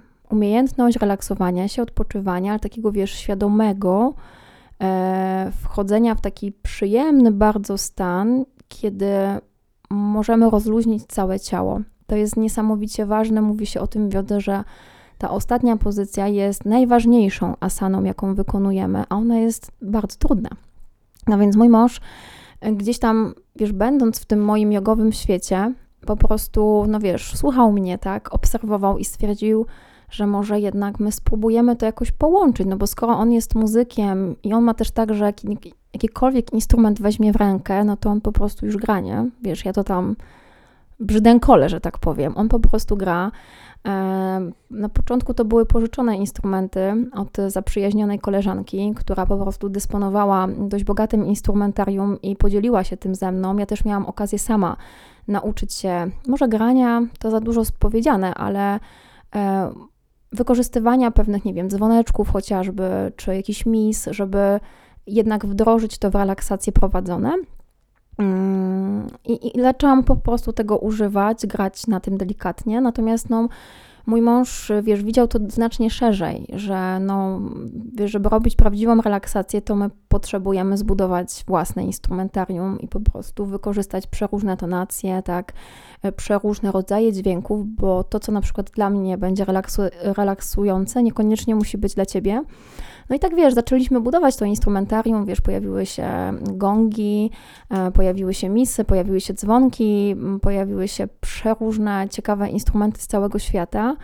E, No i wiesz, no i one były grane non-stop u mnie na, w domu, nie? Więc ja miałam relaksację przy zupie i relaksację przy, wiesz, myciu podłogi. Po prostu mój mąż uwielbia grać. On to robi tak naturalnie, że po prostu zaczął grać. Już pojawiły się też jakieś e, steel dramy, takie wiesz, już trochę takie właśnie z perkusją związane instrumenty, gdzie Wszystko trochę, to są rytmiczne e, do, dokładnie, więc wiesz, on po prostu brał pałki do, do ręki i grał, nie? I to, to są po prostu takie nieziemskie melodie, że ja się tego nigdy nie nauczę, bo ja nie mam takiego słuchu muzycznego. Więc my się tak dzielimy. Na co dzień na zajęciach ja korzystam z, pewnego, z pewnych zasobów, z którymi się dobrze czuję i, i coraz lepiej potrafię z tego korzystać. I to fajnie to brzmi z tego, co bynajmniej mówią inni. No ale mój mąż wpada na takie relaksacje czasami mm, niezapowiedziane. I wtedy się wszyscy cieszą, jak go widzą w drzwiach, bo mówią: O, Kamil przyszedł, to znaczy, że już koniec. Czyli koniec, już nas nie będzie męczyła ta Ewa Nie na będzie macie bolało. nie będzie już bolało i wiesz, on po prostu robi magię. E, robi magię. Otworzyliśmy się też na koncerty relaksacyjne i to było coś dla nas, e, wiesz, bardzo magicznego, bo to jest takie wyjście spoza strefy komfortu. E, Wymyśliliśmy, że to będzie taki projekt medytacja i relaksacja. To trwa około godziny 15 do półtorej godziny gdzie oczywiście jest to wieczorem, wiesz, przy świecach, jest klimat, więc ja mogę uczyć tej medytacji, dzielić się nią, bo lubię to robić, a ludzie mogą e, po prostu się wyciszyć. No i jakby wszystko jest, ta medytacja też jest opakowana, można powiedzieć, dźwiękiem, który jest takim fajnym tłem do tego, co się dzieje. No i potem już się kładą, wiesz, do głębokiego e, relaksu i no, dostają po prostu ceremonię dźwięku. No i to jest, to jest cudowne. I e, byłam zszokowana, ile osób tego potrzebuje. Bo wiesz, mi się na początku wydawało, że to głównie będą tymi asanami zainteresowani, nie? A się okazuje, że i medytacją są ludzie zainteresowani, że relaksacją. I to jest to chyba też dziecko pandemii, wiesz, że myśmy się zatrzymali i nagle pomyśleliśmy sobie, kurka, nie, ale my jesteśmy zestresowani. Jak w ogóle sobie z tym stresem poradzić? Więc ludzie się otworzyli e, na nowe rzeczy. No i chyba też, wiesz, czują, że my to robimy razem, naprawdę z serca i dzielimy się tym, co umiemy. Wiesz, ja w ogóle nie zachowuję nic dla siebie. W takim sensie, że dzielę się całą wiedzą, którą mam, całym przekazem, bo czuję, że to jest moje powołanie i moja misja. I nie podoba mi się takie podejście, że powiem ci tylko tyle, a za rok może więcej, a za trzy to więcej, bo wtedy będziesz do mnie dłużej chodzić. Nie, Mhm. ja ci powiem wszystko, co wiem na ten moment, co czuję, że jest potrzebne na zajęciach, bo to jest prawdziwe. I ja kiedyś też ten przekaz od kogoś dostałam, więc moim celem jest dzielenie się tym dalej. Tak jak moja nauczycielka przyjeżdża i dzieli się wszystkim, co ja chłonę jak gąbka, to mam nawet takie poczucie obowiązku, żeby oddać to innym ludziom. I to wtedy jest serducha. Pytanie, na ile inni są w stanie przyjąć. No zawsze jesteś w stanie tylko przyjąć tyle, ile możesz, nie? Tak, Czy w to danym w, momencie. W danym momencie. To jak ze wszystkim. Mhm. No, wiesz, część tych rzeczy w jednym uchem wpadnie, drugim wypadnie, ale ja śpię spokojnie, że y, naprawdę robię dobrą robotę. I nie, nie zostawiam sobie tam na później, bo coś tam, nie? Bo jakby nie, nie, nie przeliczam tego. Bardzo kompleksowo podchodzisz do tego tematu. Tak mi się wydaje z tego, co słyszę. Muszę się wybrać na zajęcia w końcu kiedyś zobaczyć. No, zapraszam. No bo wychodzi z naszej rozmowy to, że jednak yoga inaczej. Ta fizyczność w tej jodze to jest ważny element, ale nie najważniejszy. Mhm. Procentowo tego nie jestem w stanie w żaden sposób wyliczyć. Mm, Nie ma potrzeby. Nie ma potrzeby chyba. Nie? Wiesz co, nie ma potrzeby, bo y, my tą drogę idziemy jakąś ścieżką i my możemy iść sobie tip-topami, nie? Mhm. I jest spoko, jest fajnie. Jak ktoś idzie tip-topami, to jest w ogóle super, bo on sobie patrzy i jakby jest w stanie dużo więcej y, przyjąć, ale ktoś może, wiesz, przebiec tą ścieżkę i no wiele może nie, nie, nie, nie, nie- nie dostanie od razu, ale zrobi to w swoim tempie, tak jak czuje. Więc y, po prostu trzeba pozwolić każdemu iść w swoim rytmie. I jeżeli ten, ta faza fizyczności będzie trwała kogoś miesiąc tylko, to było, będzie to niesamowite odkrycie. U mnie trwała wiele lat. I nie było nic więcej poza tą sferą fizyczną. Byłam bardzo długo zamknięta tylko w ciele. E, chciałabym powiedzieć, że tak nie było, że zawsze byłam cudownie uduchowioną osobą i po prostu robiłam od razu wszystko. No nie, no nie było tak. No. Nie wiem, może ktoś tak ma, albo tak mówi, że ma. Ja po prostu tak nie miałam. To po prostu przyszło w pewnym momencie, kiedy ja byłam gotowa dotknąć tej materii troszeczkę szerzej. I tutaj od razu mówię, że to nie chodzi o jakąś kurczę magię, nie? Bo tam nie ma magii. To jest po prostu tylko i wyłącznie praca nad własnym rozwojem osobistym, szeroko pojętym. Jeżeli byśmy chcieli być tacy bardzo nowocześni, to tak byśmy to nazwali, że to jest rozwój osobisty. Wiem, że to jest oklepane i modne pojęcie obecnie, ale taka jest prawda. No to jest, wiesz, no, poznawanie siebie z każdej strony, jak my reagujemy na pewne rzeczy, mm, czy właśnie my potrafimy na przykład się relaksować, czy my w ogóle potrafimy się cieszyć, na przykład tą rozmową, nie? Czy mamy fan z tego, czy jest radość życia, czy jest tylko, e, wiesz, ta taka e, ponura sf- sfera, nie? Że wszystko jest do bani, nie? Ta Polska jest do bani, to mam do bani pracę, nie? Mój partner mnie nie cieszy. No my lubimy sobie narzekać, nie? I jako naród. No, No, super, jesteśmy specjalistami. Tra- tradycja chyba jakaś. nawet Tradycja. troszeczkę. Co jest przykre.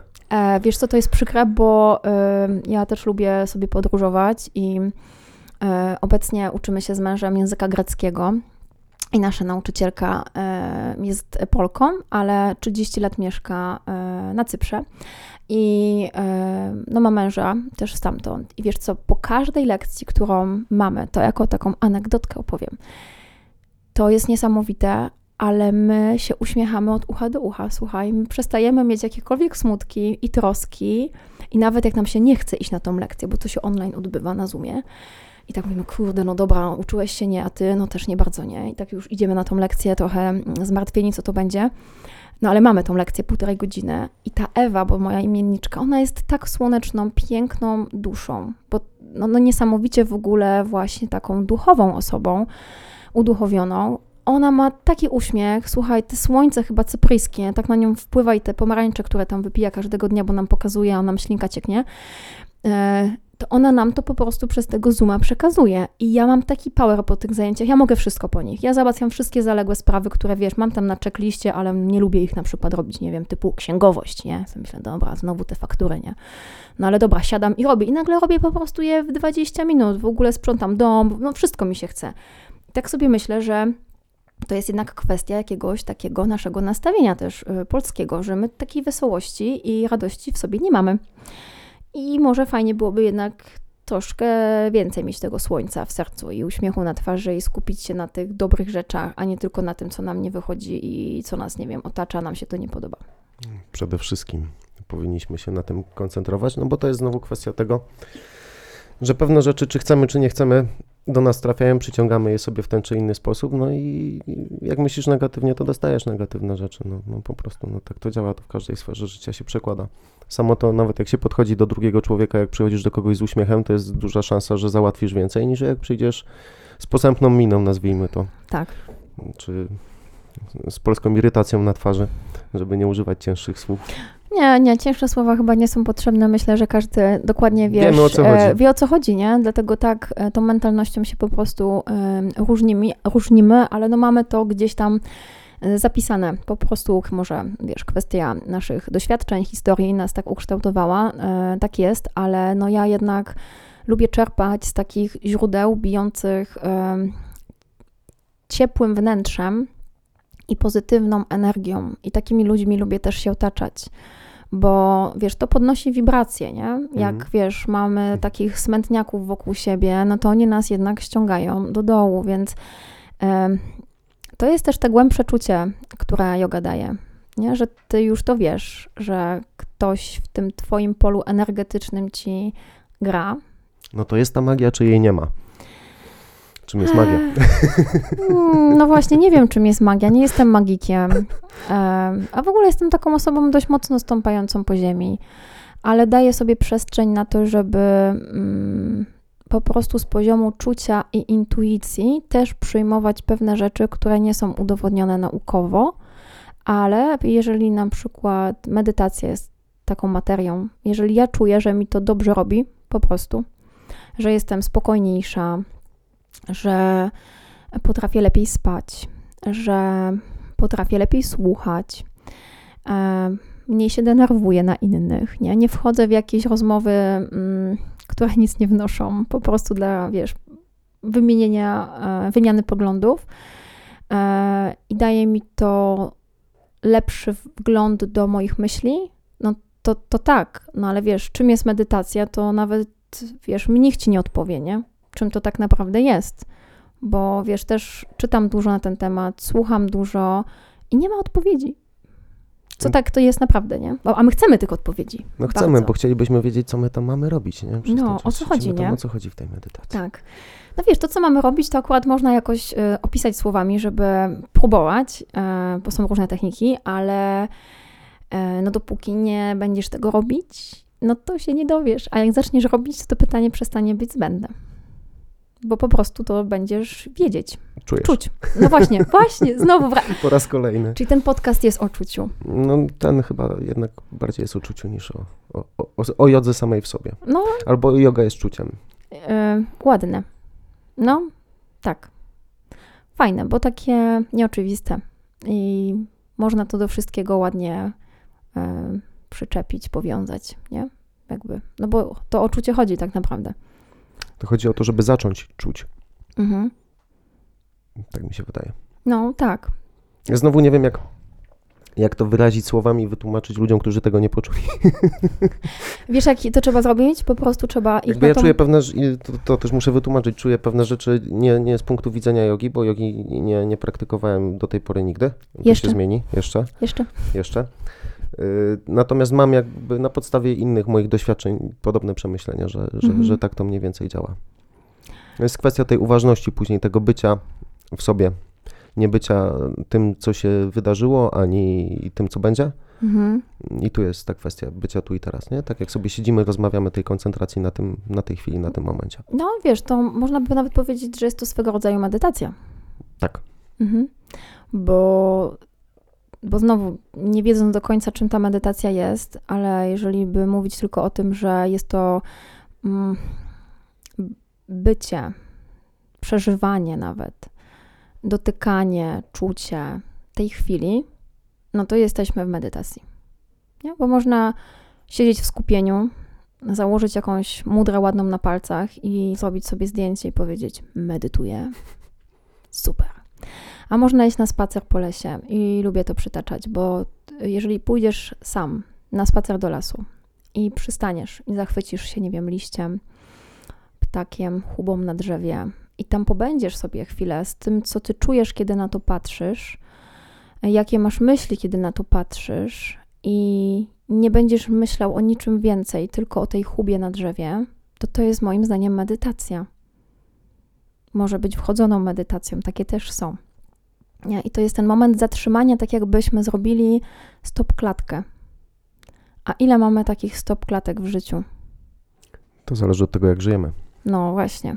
Ale generalnie mało. No, generalnie właśnie, bo jakbyśmy tak przyjęli ogół, no to mało. Wiesz, ja nawet sama medytując łapię się na tym, że ja bardzo wybiegam do przyszłości, Mhm. nie do przeszłości, bo jakby staram się traktować przeszłość jako lekcje, które dostałam, niektóre trudne, ale pamiętam o nich, jak trochę takie blizny na ciele, nie? które nosimy i ja na przykład jestem z tych blizn dumna, że je mam. Nie, nie muszę ich usuwać, nie muszę ich zakrywać, one po prostu są. W ogóle blizny są fajne, ja lubię. Może jestem jakaś dziwna, nie wiem. E, ale lubię bardzo planować. E, to jest coś, nad czym w jodze muszę bardzo praco- e, pracować, bo mm, na drugie imię mam planer, niestety. E, I próbuję tego nie robić. Pracujesz zadaniowo też. więc- Pracuję.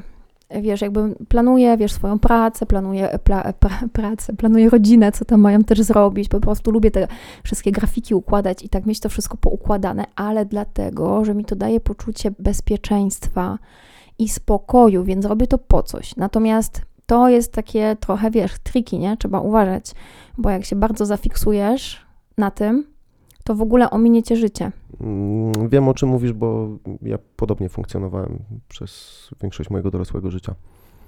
Czyli jest plan, trzeba go zrealizować, jak ciach, od A do B, od B Tak. do C, od C do Z. A gdzie jest zero, nie? tak.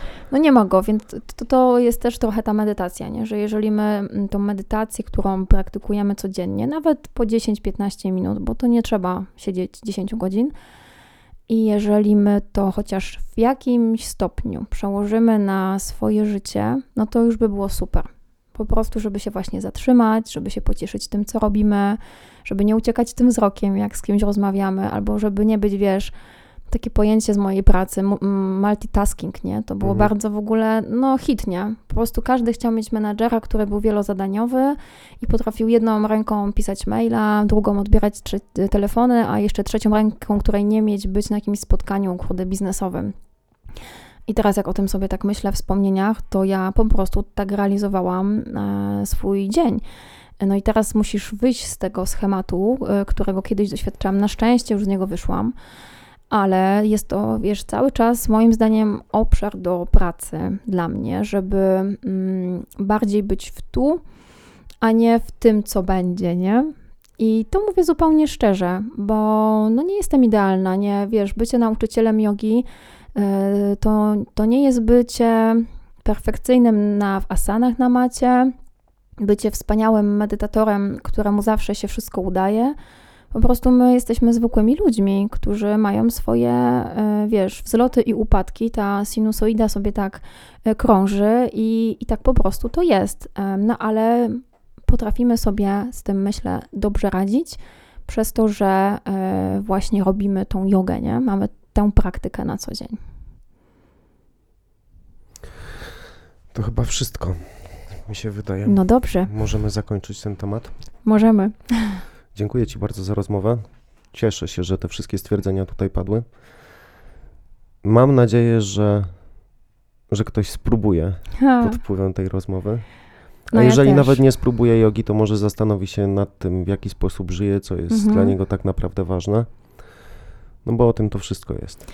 Dokładnie. No Ja- i przede wszystkim Twoja historia pokazuje, że, że się da, jak się chce, że Mhm. można, że owszem, trzeba z pewnych rzeczy zrezygnować, że czasami nie jest to łatwe. Tutaj Mhm. to słynne wyjście ze strefy komfortu musi się Tak odbyć jest. tak czy inaczej, że trzeba w to włożyć kupę pracy, Mhm. ale też warto, bo nie chcę mówić, czy się opłaca, czy się nie opłaca, bo to nie o to chodzi, ale czy warto, że warto Tak. spróbować.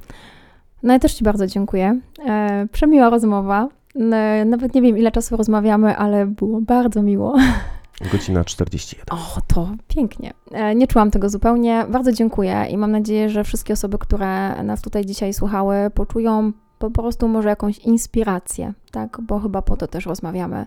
Przede wszystkim. A właśnie, żeby się czymś zainspirować. E, Czy spróbują jogi, nie wiem. Ja zachęcam, bo nawet raz pojawić się na macie czy dwa, żeby dotknąć tej materii i zobaczyć, czy to jest dla nas, bo najlepiej się przekonać po prostu na sobie, a nie słuchać e, kogoś, kto był i coś doświadczył, bo to są jego doświadczenia tej osoby konkretnej, a nie twoje na macie, więc twoje doświadczenie może być o 180 stopni inne niż osoby, z którą kiedyś o jodze rozmawiałeś, rozmawiałaś. I ja się z tym często spotykam, że ludzie są po prostu zaskoczeni, że my nie siedzimy tylko w kwiecie lotosu i że robimy tam różne rzeczy, więc e, słuchajcie, zapraszam, e, po prostu spróbujcie e, takiej jogi, która Wam odpowiada, w takim studiu jogi, które Wam też leży i pasuje, więc no bardzo dziękuję za, za tą możliwość. Warto wyrobić sobie swoją opinię przede wszystkim. Tak jest. E, Ewo, na sam koniec, jak Cię można znaleźć, gdzie Cię można znaleźć? Media społecznościowe,